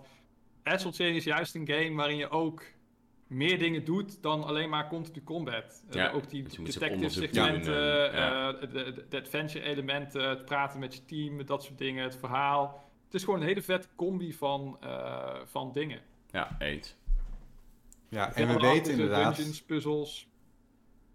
al vanaf eh, september vorig jaar eh, had Platinum, Platinum Games al aangegeven dat Huppel de Pup Taura, hij heet eh, Takashi, Takahisha Taura, de director, of hoe je het ook uitspreekt, ik Mhm. eh, ben even goed in namen uitspreken als Mitch. Eh, kawaii. maar die, die was toen al best een tijdje aan zijn volgende project bezig. Dus het zou, fingers crossed, heel goed kunnen zijn dat dat een sequel voor eh Astral Chain was. Als dat zo is, dan wordt hij waarschijnlijk pas volgend jaar aangekondigd. Omdat ze bijna net dat drie eerste Mm. spotlight willen geven. Oké, cool. Hey, overigens, eh, ik zie dat Shiny Game Direct het altijd goed had, trouwens. Eh, Woohoo! Kirby's Dream Buffet. Woep, woep. Dus, eh, ja, vet. Dream Ook Buffet. met jouw eh, buffet, buffet, buffet. Ik was het alweer vergeten. Dream Buffet. Maar in ieder geval, eh, wij nemen eh, na de show ook eventjes eh, contact met je op. Dus het komt Contact helemaal goed. Sorry, dat moest ik even tussendoor zeggen. Ik ga verder met je Astral Chain verhaal. Nee, Astral Chain is echt een super vette game. Mee eens. Wel zijn die challenges echt niet vet. Die challenges, dat, dat was echt niet tof, jongens. Er zaten zelfs katten verstopt in die, eh in die Ja, klopt. In de challenges? Nee toch? Ja, maar wel alleen in de eerste, eh, weet ik veel, acht of zo, dat er ergens één of twee katten En waren die ook zeg maar nog voor toe te voegen aan dat stukje van de main story? Of stond dat er wel los van? Want je Eh, moest nee, katten zoeken nee. voor de main story, toch? Nee, je had, je had gewoon zoveel katten in de game. En twee daarvan zaten in de challenges, maar wel echt helemaal aan het begin. Ah, oké. Dat is gewoon, zeg maar, voordat je die combat room inloopt, als je dan naar achteren gaat, zit er eens een kat in een doos of zo, zoiets was. Ah, oké. Wel grappig gedaan. Die dat ik dacht oh, zelfs hier zitten nog eh, katten. Was ik helemaal vergeten. Dus maar daar maakt ze niet allemaal. Ja. Maar in ieder geval, eh, dat was, ja, ik weet niet. Ik, ik vond hem wel leuk. Ik, ik, ik I don't know. Er zat wel echt meer in. Ja, Het was, eh, ik had al vooral het gevoel dat er nog veel meer kon komen. Zou ik het zo zeggen? Ja, Ja, een je beetje alsof hij halverwege, ha- alsof hij maar halverwege kwam. En het Wat, tweede deel nog... Bij Astral Chain? Hoe bedoel je? Maar Nou ja, half- qua- nee, dat zat- vond ik niet. Ik vond wel dat zat- het verhaal er wel echt meer in. mooi was afgerond. Ja, het maar- verhaal zat, was, was prima, maar qua... Ja, er is toch veel meer te doen, joh. Dat is Ik, zeker ik wel. weet niet, ik had het gevoel, dit is een halve proof of concept die is uitgegroeid tot een game, maar het had nog meer. Ja? Ja, dat, het had iets meer variatie in omgevingen kunnen eh, gebruiken. Het doet dat typische Platinum ding dat je op driekwart van het spel eigenlijk alle omgevingen hebt gezien. Hmm. En daarna worden ze eigenlijk een beetje een soort van herhaald. Ja. Maar dan met ander weer of net een ander stukje of zo, weet je wel. Het was niet Mhm. super noticeable. Maar eh, als je dat stuk hebt gehad in die Sloppenwijk, wat trouwens echt het vetste stuk van, Ja. die, eh, van die game is, Mhm. Dan heb je eigenlijk ook wel het meeste van de game gezien. Want daarna ga je weer terug naar die soort van eh, Station Square, eh, Shibuya Square, zeg maar, achtige omgeving. Mhm. Daar kom je echt iets van drie of vier keer in de hele game of zo. Dus dat Nee, vond ik wel ja. een klein beetje jammer. Maar voor de rest, eh, ja, gewoon een hele vette game. En zeker, ze kunnen met die wereld nog zoveel meer interessante dingen doen. Dat Ja, dat is denk ik vooral wat, wat, wat ik bedoelde. Ik weet niet of Rick dat ook bedoelde. Maar er is, er is nog zoveel meer te doen met wat ze nu hebben bedacht. Dat er een deeltje 2, Ja. als ze dat niet doen, dan zijn ze gek. Ik vraag nou ja, dat bedoelde ik inderdaad. Er waren heel veel setups al in die, eer- in die eerste game waarvan je denkt van... En waar, waar blijft die payoff nou van? Hè? Waar, wat je nu hebt Ja. opgezet, waar je, waar, waar je op voort kan bouwen. En dat kwam dan niet. Maar wat wilde Robin zeggen? Eh, shit. Dat weet hij zelf ook niet meer. Oké. Komt vast en zeker wel terug. hey jongens, ik zie dus dat we ook al even bezig zijn. Ehm, ik ben wel heel benieuwd wat iedereen momenteel speelt. Ik ga eventjes eh, bij jou beginnen, Rick. Wat speel jij momenteel? Ja. Nou, het is voor mij nu een beetje de stilte voor de Xenoblade 3 storm. Ik eh, heb eh één, twee weken terug de Fire Emblem Warriors 3 Hopes. Ik, ik haal ze altijd nog door elkaar. Ja? gedaan. En die hebben natuurlijk drie enorm verschillende paden. En ook nog allemaal eh, ja, heel veel extra battles en eh, content. Die ik, eh, ja, voor de review heb ik me toch een klein beetje, een beetje gerushed. Mhm. Dus dat ben ik nu nog lekker op mijn gemakje aan het inhalen. En dan op de 29e, dan gaan we los in Ionios. Oh, lekker. En ehm dat weekend heb je daar helemaal vrijgepakt om eh, te beginnen aan eh Xenoblade Chronicles 3? Het staat eh, voor mij eh, in ieder geval flink. eh, je, je zal natuurlijk altijd zien dat er nog op het laatste moment iets doorkomt. Maar eh, dat was wel het plan, ja. Oké, nice. Ik, ben ik denk ik niet de heb je, enige heb, heb je ook al je blokfluit weer van zolder gehaald? Eh, dat moet nog gebeuren. Het is een dwarsfluit, eh Mitch. Blokfluit. Ik ben duidelijk geen fluitexpert. Ik bied hierbij mijn excuses aan voor alle muzikale luisteraars onder ons. Dus eh Mitch, wat zijn jij je blokfluit aan het doen? Hm? Wat zijn jij en je blokfluit eh, aan het doen? Welke games jullie aan het spelen? Ah, dat is een goede vraag. Eh, ik denk, eh, ja, ik ben nog steeds tegen beter weten in. Af en toe een potje Mario Strikers aan het doen. In de hoop dat Nintendo ons iets geeft. Een Van- update. Van geef Nieuwe ons content. iets. Kom op. Want dit is echt zo zonde. Ze laten die game gewoon doodbloeden. Jullie weten, Ja. ik heb de N1 Up Club gestart. Volgens mij ben ik inmiddels de enige die nog speelt. Zelfs ons aller eh, Jeroen, die echt keiveel puntjes heeft eh, binnengehaald. Echt MVP. Die is eh, volgens mij ook niet heel actief meer. Iedereen zit gewoon te wachten op nieuwe content, nieuwe modus.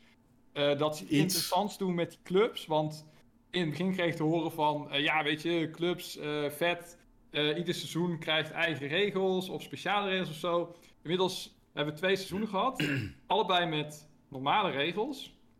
Ehm, tijdens een seizoen krijg je nog steeds exact evenveel van die grindy stomme puntjes als dat je buiten het seizoen krijgt. Oh ja? Dus het is niet alsof je een extra reden hebt om tijdens het seizoen te spelen, want uiteindelijk als je promoveert krijg je wel extra dingen erbij, maar Maar het wordt niet beloond Ja, dat je in het seizoen speelt. het is heel grindy. Het, het voelt echt bijna als een free-to-play game. Ik heb nu twee seizoenen gespeeld, twee keer gepromoveerd met onze club. En ik heb nu ongeveer na twee weken, tweeënhalve week spelen, heb ik ongeveer de helft van wat ik nodig heb om de eerste stadion upgrade te kopen uit Mhm. vier. Oh. En ik weet zeker dat de stadion upgrades daarna nog veel duurder zijn dan die eerste. Maar die eerste kost al 50.000. En ik zit nu op 25.000 van die metalen ringetjes. Om, en je, en je krijgt er 100, 100 per potje wat je wint en 50 als je verliest. Oh man, dat Dus reken maar uit hoe lang je dan bezig bent. En voor het promoveren krijg je iets van 5000 of zo. Dus zelfs als je twee keer promoveert, heb je maar 10.000. Dan moet je er nog steeds eh, ja, 15.000 halen. Nee, wel meer trouwens. Je moet er nog steeds heel veel halen om eh dat stadion eh, te krijgen. Dus, eh, ik, ik En nu moet je het ook zo- nog in je eentje gaan doen. En dan moet ik het ook nog in mijn eentje gaan doen. Ja, precies. ja, Maar, het is echt eh, vreselijk. en, en dus eigenlijk zeg jij nu gewoon het enige wat dit nou nog kan redden is dadelijk een content update die natuurlijk weer een hoop dingen toevoegt. Wat- We moeten En gewoon hopelijk inderdaad een flinke, flinke content update eh, toevoegen. Ze moeten het lonend maken om online in een club eh, te spelen. Mhm. Ze moeten eigenlijk het ook zo maken dat je met z'n vieren in één potje online kan. Dat is helemaal tof zijn, want nu is het gewoon raar dat je nog steeds... Je zit in een club met 20 mensen. Maar als je samen wil spelen tegen iemand anders, dan moet dat 2 tegen 2. Het is niet zo dat, eh, dat, dat je met vier mensen en dat één iemand... Ieder persoon dan één karakter onder zijn hoede neemt. Wat natuurlijk heel tof zou zijn. En ook zou helpen met zeg maar van... Oh, je, je hebt nooit verwarring van... Want als ik nu van karakter wissel... En iemand anders wil ook naar je kerk te wisselen, maar ik wissel eerder of hij wisselt eerder, dan is dat natuurlijk gewoon heel Ja, dan erg zie je dat niet helemaal aankomen. Mhm. Ja. Precies, en dan moet je iedere keer denken van, heb ik nou de bal of heeft hij nou de bal? Allemaal dat soort dingen, dat ik denk van, jongens, het voelt gewoon als een beta. En ik moet dan toch met pijn in mijn eh strijkershart eh, Willem gelijk geven met zijn eh, cijfer voor de game. Want ondanks dat ik het nog steeds niet zo laag zou geven, is het wel gewoon echt onder de Een maat. krappe voldoende. Ja. En is niet Nintendo en- niveau. En, en de, de, de gameplay is tof. Het zit echt tof in elkaar. de het game speelt lekker, het ziet er goed uit. Het, het, is, eh, het is gewoon echt een vette game. Maar het, het, het wordt gewoon... Ja, het ligt gewoon ergens eh, be- bewusteloos langs, langs de stoeprand. En Nintendo kijkt er niet naar om. Die zit alweer met... eh, die, kijkt alweer vooruit naar Ionios. En die heeft net eh, Warriors gelanceerd. En eh Switch Sports, weet ik veel wat allemaal. Ja. Die ziet Strikers helemaal niet meer liggen. eh, ik vind wat Sunny Day Games zegt ook wel eh, wat. Ze zouden beter zijn als Nintendo de Splatoon 1-strategie zou hanteren voor content drops. Niet na een kwartaal een grote update, maar gewoon elke paar weken een nieuwe toevoeging. En hallo Alfons. Hey Alfons, inderdaad. Alfons is er Je ook. bent eh, net op tijd voor het eh, afscheid van eh, Mario Strikers op Nintendo Switch, de, de uitvaart. We zijn, eh, Ja. we zijn al, eh, de eerste speeches zijn al geweest. Want ja, de game heeft ons toch een paar mooie tijden eh, opgeleverd. Maar helaas, het wordt toch tijd om afscheid te nemen. Want Ja. eh, het lijkt erop dat Nintendo zelf er echt geen ene eh, piep meer om geeft. Het voelt een klein beetje als het probleem dat. eh, dat klinkt gek om te. Ja. Eh, nou ja, dat. Maar ik denk ook eh, als ik kijk naar andere mediaconsumptie. kijkende naar de manier hoe bijvoorbeeld Disney Plus bijvoorbeeld bepaalde dingen naar voren gooit op, op Marvel films of Star Wars films. Dat is ook heel erg van, hey, nu heb je deze serie. Oké, deze serie is klaar, dan gaan we naar de volgende serie. En die oude series worden eigenlijk vergeten. Dat voelt ook een beetje met de games nu bij Nintendo. Omdat ze zoveel games hebben die in één keer uitkomen, dat ze gewoon niet meer de moeite nemen om iets te doen, zeg maar, naar mijn idee. Ik In denk dat vooral. Alfons een heel goed punt heeft. Het is een Mario sportsgame. Wat verwacht je daarvan de laatste tijd? Ja, dat is- Nou ja, meer ik- als het door Next Level Games wordt gedaan. I don't know. Dank, dankjewel, dankjewel. Dat wilde ik Ja. dus ook precies gaan zeggen. Want Nou, Next Level niet. Games is niet de zoveelste Camelot, Camelot. eh, golf, tennis, whatever of zo. Next Level Games is gewoon kwaliteit. Ze hebben gewoon kwaliteit geleverd. Alleen de sport is er niet. En blijkbaar is er ook gewoon geen... Er is geen roadmap. We weten helemaal niks. Wa- Wat gaan ze post-launch doen? We Nee, weten en het niet. daar gaat het denk ik ook mis. Kijk, als zij nou hadden gezegd van oké, dit is de game en we gaan iedere maand gaan we dit doen. En waarvan ze de eerste drie maanden al bekend maken, dan was het anders geweest dan, dan nu. En dat is ook hetgeen wat met Mario Tennis verkeerd is gegaan. Hier is de game. Hij is super kaal. Eigenlijk is er geen fuck te doen. Ehm, en misschien voegen ze nog wel iets toe. En ja, dan is het maar hopen dat ze iets toevoegen. Ja. En, en, dat en, zegt, en die eh, onzekerheid, dat is het lastige daar. Alfons zegt overheid, Luigi's Mansion 3 kreeg ook weinig support volgens mij. Dus ik twijfel aan jullie statements. Maar Ik Luigi's niet, Ja, 3 Luigi's was gewoon- Mansion 3 was was, gewoon complete- toch? complete game. Singleplayer game. Ja. Met een complete singleplayer stand. Die eh Mario Strikers overigens ook niet tot nauwelijks heeft. Dus dat kan je niet echt vergelijken met een, eh, ja, met, met een multiplayer. Ja, eigenlijk alleen maar een multiplayer titel als, eh, als Strikers. Want van een singleplayer is gewoon geen sprake. Dus Ja, dan is het nog dat- belangrijker om updates toe te voegen. Zeker als je base game al gewoon zo ontzettend schaal is. Ja. Oh, Willem zou het echt leuk vinden om deze podcast terug te luisteren. Ik denk dat hij nu als hij... Ik denk zelfs op dit punt dat hij echt met een grote smile gewoon alvast zijn Discord aan het openen is. I Om told mij you een DM te sturen van... Haha, Mitch. Ik zei het je toch? nou, bij deze Willem, je had gelijk, jongen. Ik, eh, ik, Nou, ik, ben niet, kijk. ik ben man genoeg om mijn ongelijk toe te geven. Ik denk dat Strikers nog wel te redden valt. Het hangt er heel erg vanaf wat voor content updates ze in de toekomst gaan brengen en wat ze daarmee En gaan of ze doen. het gaan doen. En of ze het, nou ja, ik ga er wel vanuit dat ze het gaan doen, want het is wel een game die ervoor gemaakt is. En kijkende naar wat ze in de datamine hadden gevonden toen de tijd, hebben we geloof ik ook nog een keer een berichtje Ja, over iets van gegooid. 10, 10 Ja, characters ik nog. hè, verwacht die, het eh, wel. Golf heeft het ook gedaan, Aces heeft het ook gedaan. En dat waren uiteindelijk gewoon prima games. Het is alleen jammer dat die games niet goed zijn vanaf het begin. En dat we nu in een periode terechtkomen dat games pas compleet zijn op een later stadium. Ja, maar om nog even hierop door te gaan. Characters gaan die game niet redden. Niet redden, hè? Nee. Dat, Nee. dat had ik ook al. Ze moeten echt de gameplay, eh, of in ieder geval, ze moeten de gameplay interessanter maken. In de zin van dat de progressie online en met clubs en zo. Dat moet allemaal veel interessanter. Het moet Het moet gewoon veel lonen om te spelen. Ja. Het moet lonen om te spelen. Eh, ze moeten toernooien organiseren of speciale modi introduceren, eh, waardoor, het, ja, waardoor er meer variatie in komt. Ik bedoel, er, zijn, er is maar één veld, voor God's sake. Ik de rest is allemaal achtergrond, maar je hebt letterlijk maar gewoon een plat veld en that's it. Ja, ik denk ook dat ze misschien meer hadden gekeken naar Mario Strikers als... hey, het is een online game, maar ook co-op. Want vroeger werd het heel veel couch co-op gespeeld. En dat is natuurlijk nu niet zo. Ehm, dus ik denk dat ze misschien daar nog hadden gebankt. Wat dan een hele verkeerde keuze is natuurlijk. Want dat couch co-op waarschijnlijk steeds minder wordt opgepakt. Er zijn Nintendo hele andere eh, cijfers daarvan heeft. Dat ze dat weten, dat er veel mensen Ja, lokaal maar, wie- spelen. maar, hoe, maar hoe moet je co-op doen dan? Want couch co-op eh, online bedoel je, want dan kan je 2 tegen 2 maximaal. Nee, off en en offline, kan je niet. offline bestaat niet, want er is geen Oh. singleplay modus. Je hebt alleen een, eh, een soort van to eh, toernooistandje waar je tegen de CPU kan spelen.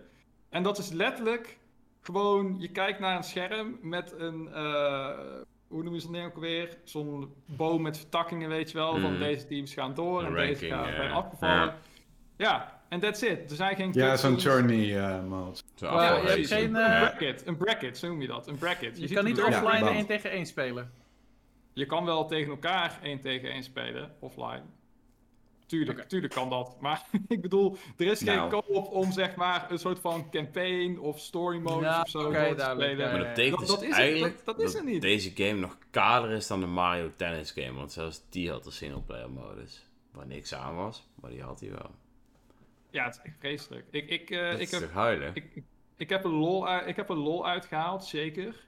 Maar ik heb er achteraf wel te veel geld voor betaald. En hem ook nog eens digitaal kocht. Dus ik kan hem ook niet verkopen. En dat is niet zo erg, maar deze game wordt eigenlijk niet goedkoper dan 45 euro voor de komende drie of vier jaar. Dat is ook. eh, dat, Yep. Ik vind het best heftig, want de first party Nintendo games worden eigenlijk nooit goedkoper dan 45 euro, ongeveer.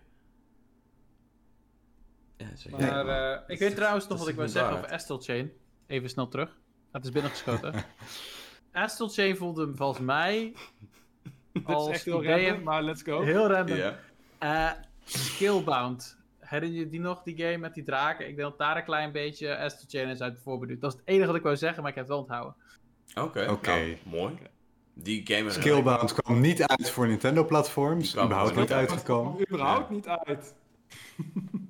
Maar het was ook nog eens bedoeld als Xbox eh, exclusive. Eh, dat, dat is Het natuurlijk. zag er wel een, vet uit. Dat, Ja. dat is natuurlijk een Dat moet je eh, dat is natuurlijk een tegenstelling op zich. Dus ja. Ja. Maar goed, in ieder geval. eh, strikers dus. Ik speel het nog steeds af en toe. Ik probeer onze N1 Club naar de overwinning te helpen. Mocht je het leuk vinden om nog eens een keer mee te spelen. eh, meld je dan zeker even via de Discord. Dan eh, doen we nog wel een keer een eh Ja. potje. Want als Nintendo die game niet levend houdt. Dan moeten Doet wij het maar doen. het. Kijk, Mitch neemt gewoon, eh, die draagt eh, dat op zijn schouders. Initiatief. Bam.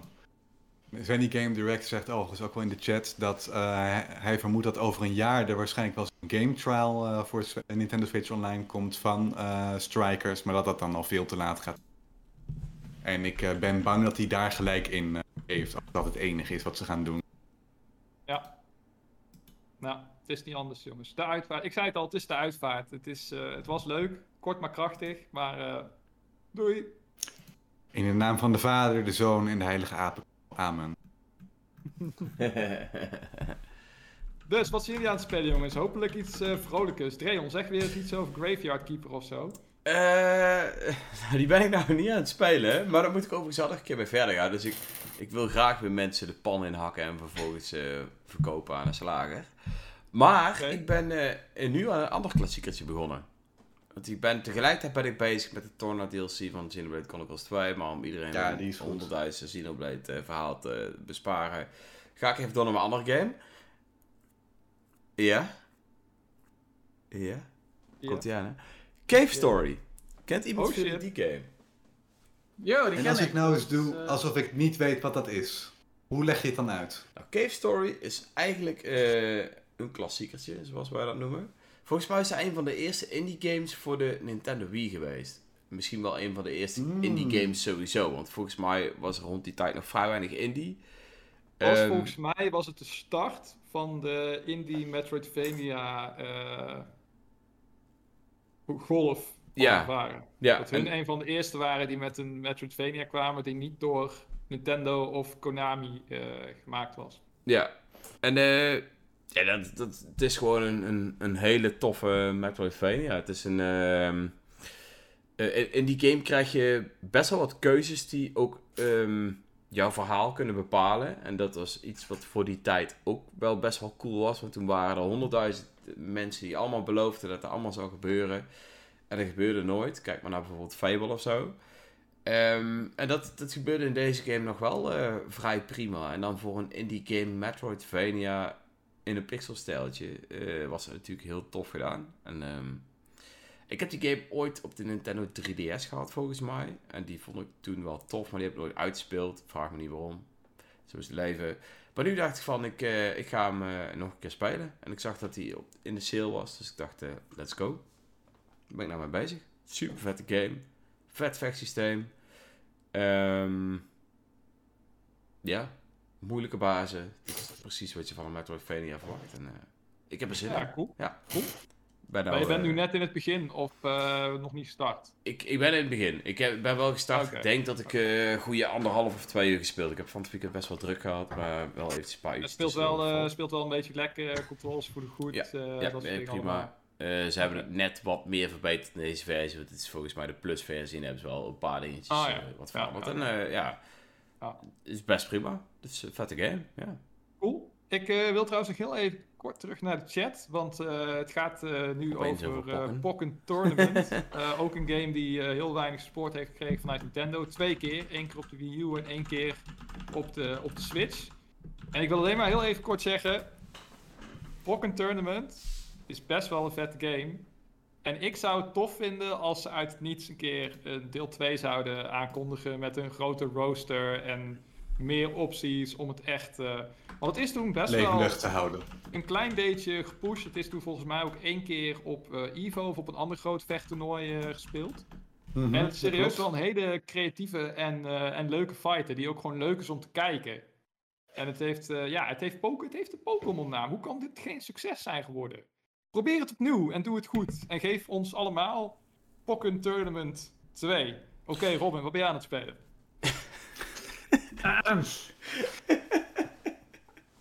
Nou, nou eh, even om terug te komen naar het begin van, de, van deze eh, eh, podcast.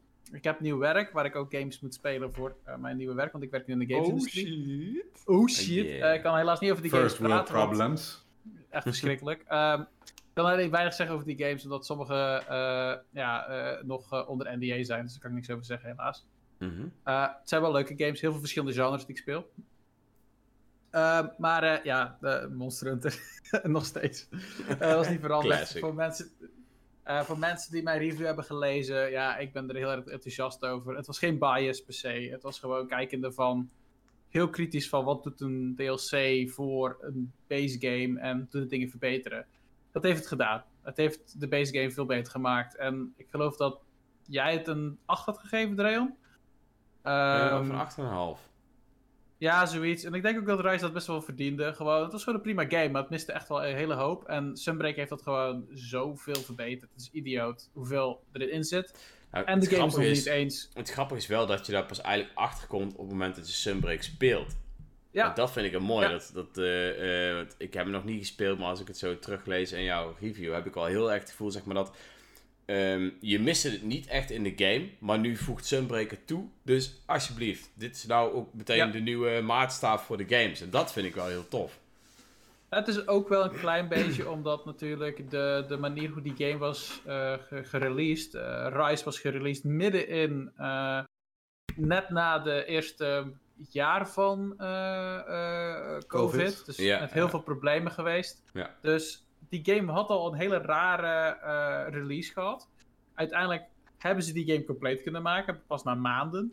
En Hmm. zeker ook in vergelijking met wat toen World en Iceborne hadden gedaan op PC en de andere consoles. Die game heeft Monster Hunter op de kaart gebracht. Want de Ja. verkoopcijfers van World en Rise zijn, geloof de helft of een derde van, eh, als het al niet meer is, van de hele franchise. En zijn de best is nu de best verkopende franchise van Capcom. Als je Rise en World bij elkaar zou optellen qua verkoopcijfers, was het de derde beste verkopende franchise. Dus het is gewoon idioot hoe goed die het doen. Ja. Ehm, maar nou ja, Sunbreak speel ik dus nog. En eh, ik ga binnenkort ook nog een andere game spelen die ook onder NDA is. Dus ja, eigenlijk kan ik heel weinig zeggen. Dus heel erg saai. Ja. Maar eh, Robin heeft gewoon een leuk, eh, even stoer doen. heeft dat gewoon leuk soms. werk. En Ja, nou, en al die NDA's, doen. hè. En die is Oh. zo leuk, jongens. Daar kan ik echt zoveel over praten. Ik wou dat ik games had oh, die ik onder NDA stonden, maar ja, helaas. Ik niet allemaal Helaas. zo cool zijn als, eh, als Robin. Ja. Hashtag live. oh man.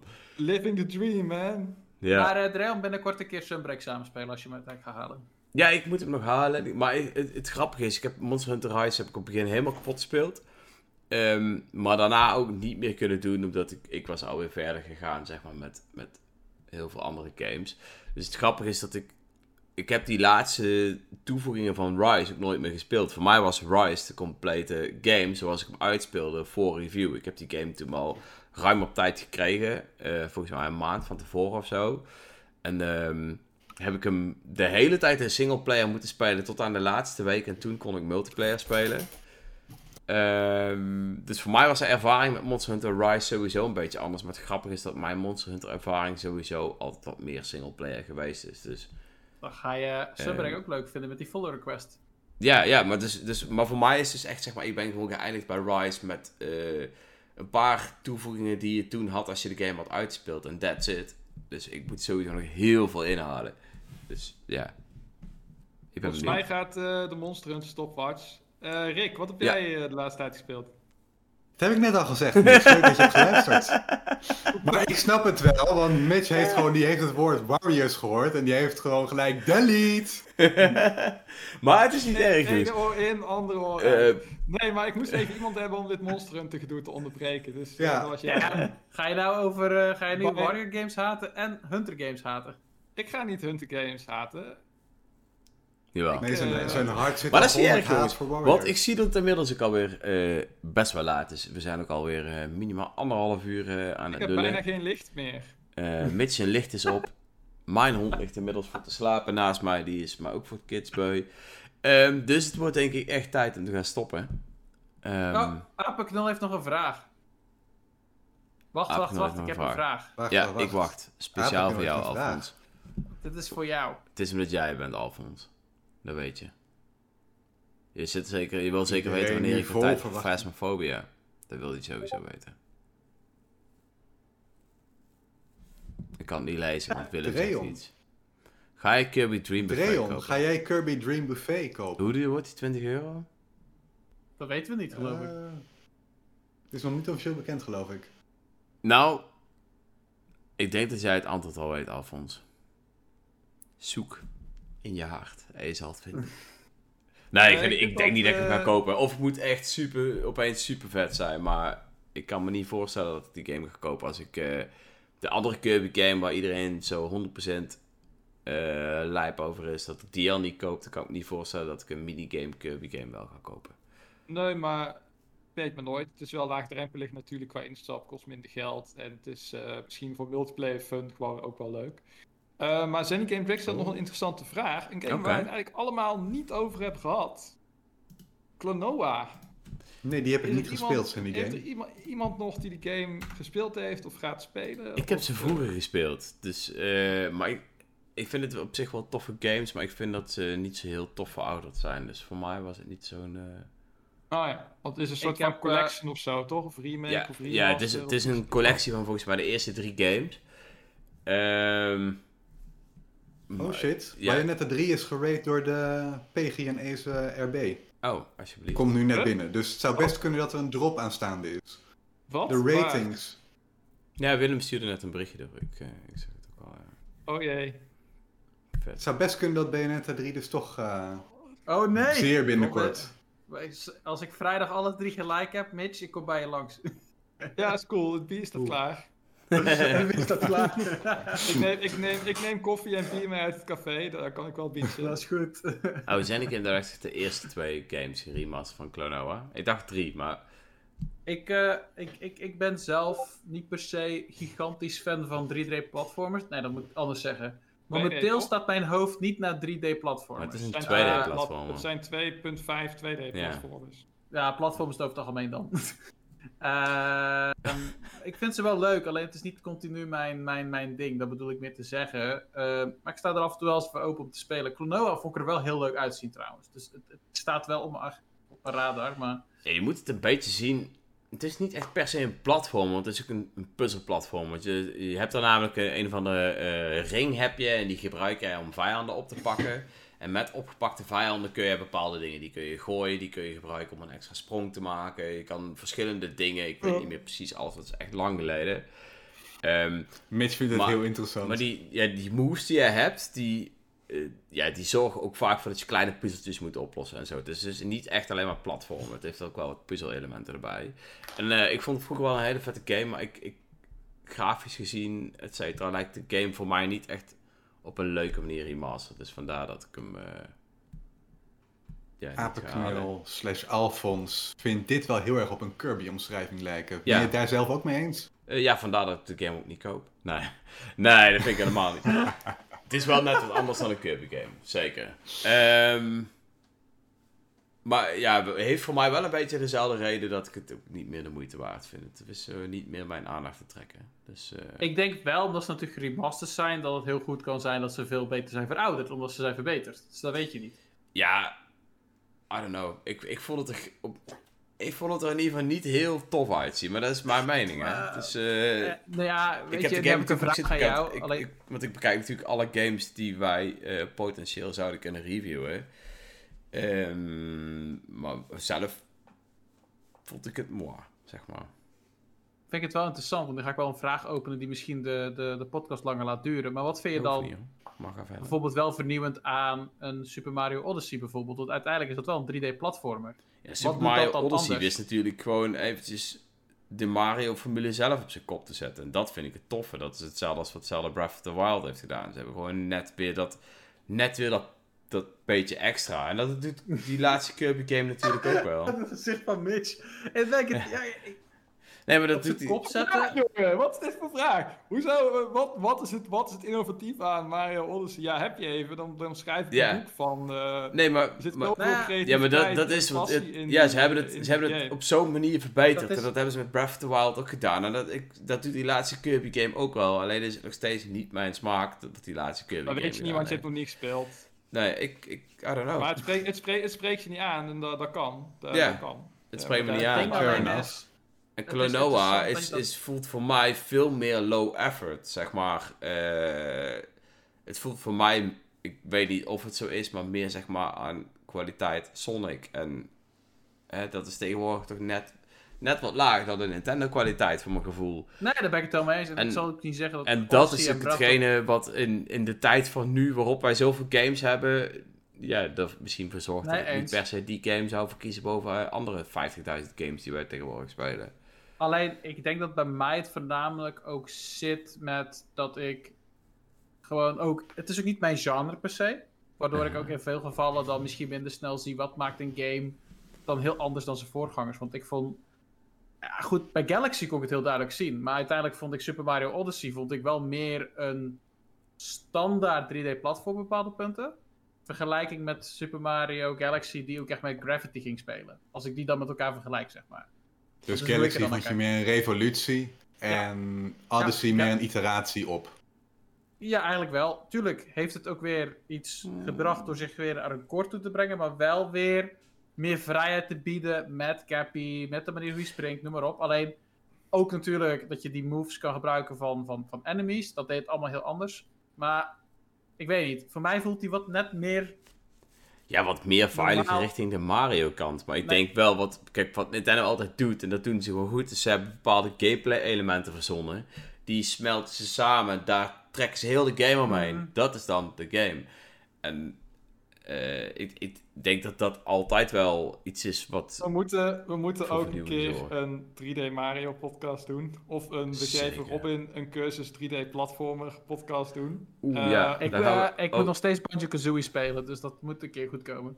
Want om het heel kort te houden, wat Odyssey doet met eh, de setting bijvoorbeeld, met eh, Cappy, met de manier waarop je moves aan elkaar kan chainen, eh, met eh, vele, vele, vele, vele, vele power moons die je kan verzamelen. mhm.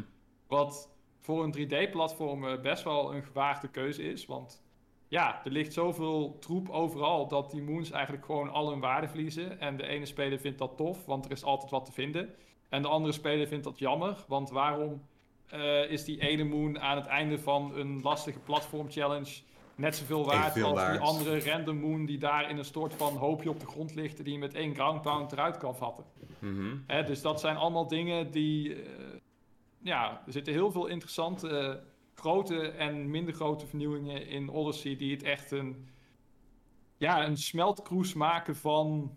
van verfrissing. Van dit is anders. Dit is Mario, maar tegelijkertijd het is anders. En waarom zit er opeens een Bloodborne-draak in mijn fucking Mario game? Weet dat je was wel, wel dat echt idee. fucking random trouwens, ja. Ja, en Maar dat is heel vet. vet. Dat was, heel, dat was heel vet. En dat soort dingen doet de game eh, heel veel. Dat je opeens in een kingdom komt waarin je door een realistische stad loopt. Dat je opeens Ja. in een kingdom komt waarin eh, eten eruit ziet alsof het op een eh, PlayStation 1 gemaakt is. Dat alles super hoekig en blokkerig is Ja. en fel gekleurd is. Ja, dat is ook cool. Ongekend. Ik vind het sowieso bijzonder dat we hebben twee Mario Galaxy games gehad. Met echt, ik denk wel in totaal wel 60 verschillende galaxies. Met allemaal verschillende werelden en thema's. En toch, de levels in Mario Odyssey Die springen. zijn op de een of andere manier nog memorabeler en nog unieker en nog aparter Mhm. dan eh, zelfs de wildste galaxies in, eh, in Galaxy, vind ik. Ik denk dat we daar over een andere podcast nog eens een keer over moeten praten. Dat denk ik ook Zeker. wel. Hey jongens, ik ga nu wel echt afkappen, want we zijn echt veel te lang bezig. Eh, ik wil jullie in ieder geval weer bedanken voor het aanwezig zijn. En ik wil ook alle luisteraars eh, en kijkers bedanken voor het eh, meeluisteren en kijken. Volhouden. Eh Alfons, de volgende keer graag even op tijd komen. Dat zou heel mooi zijn.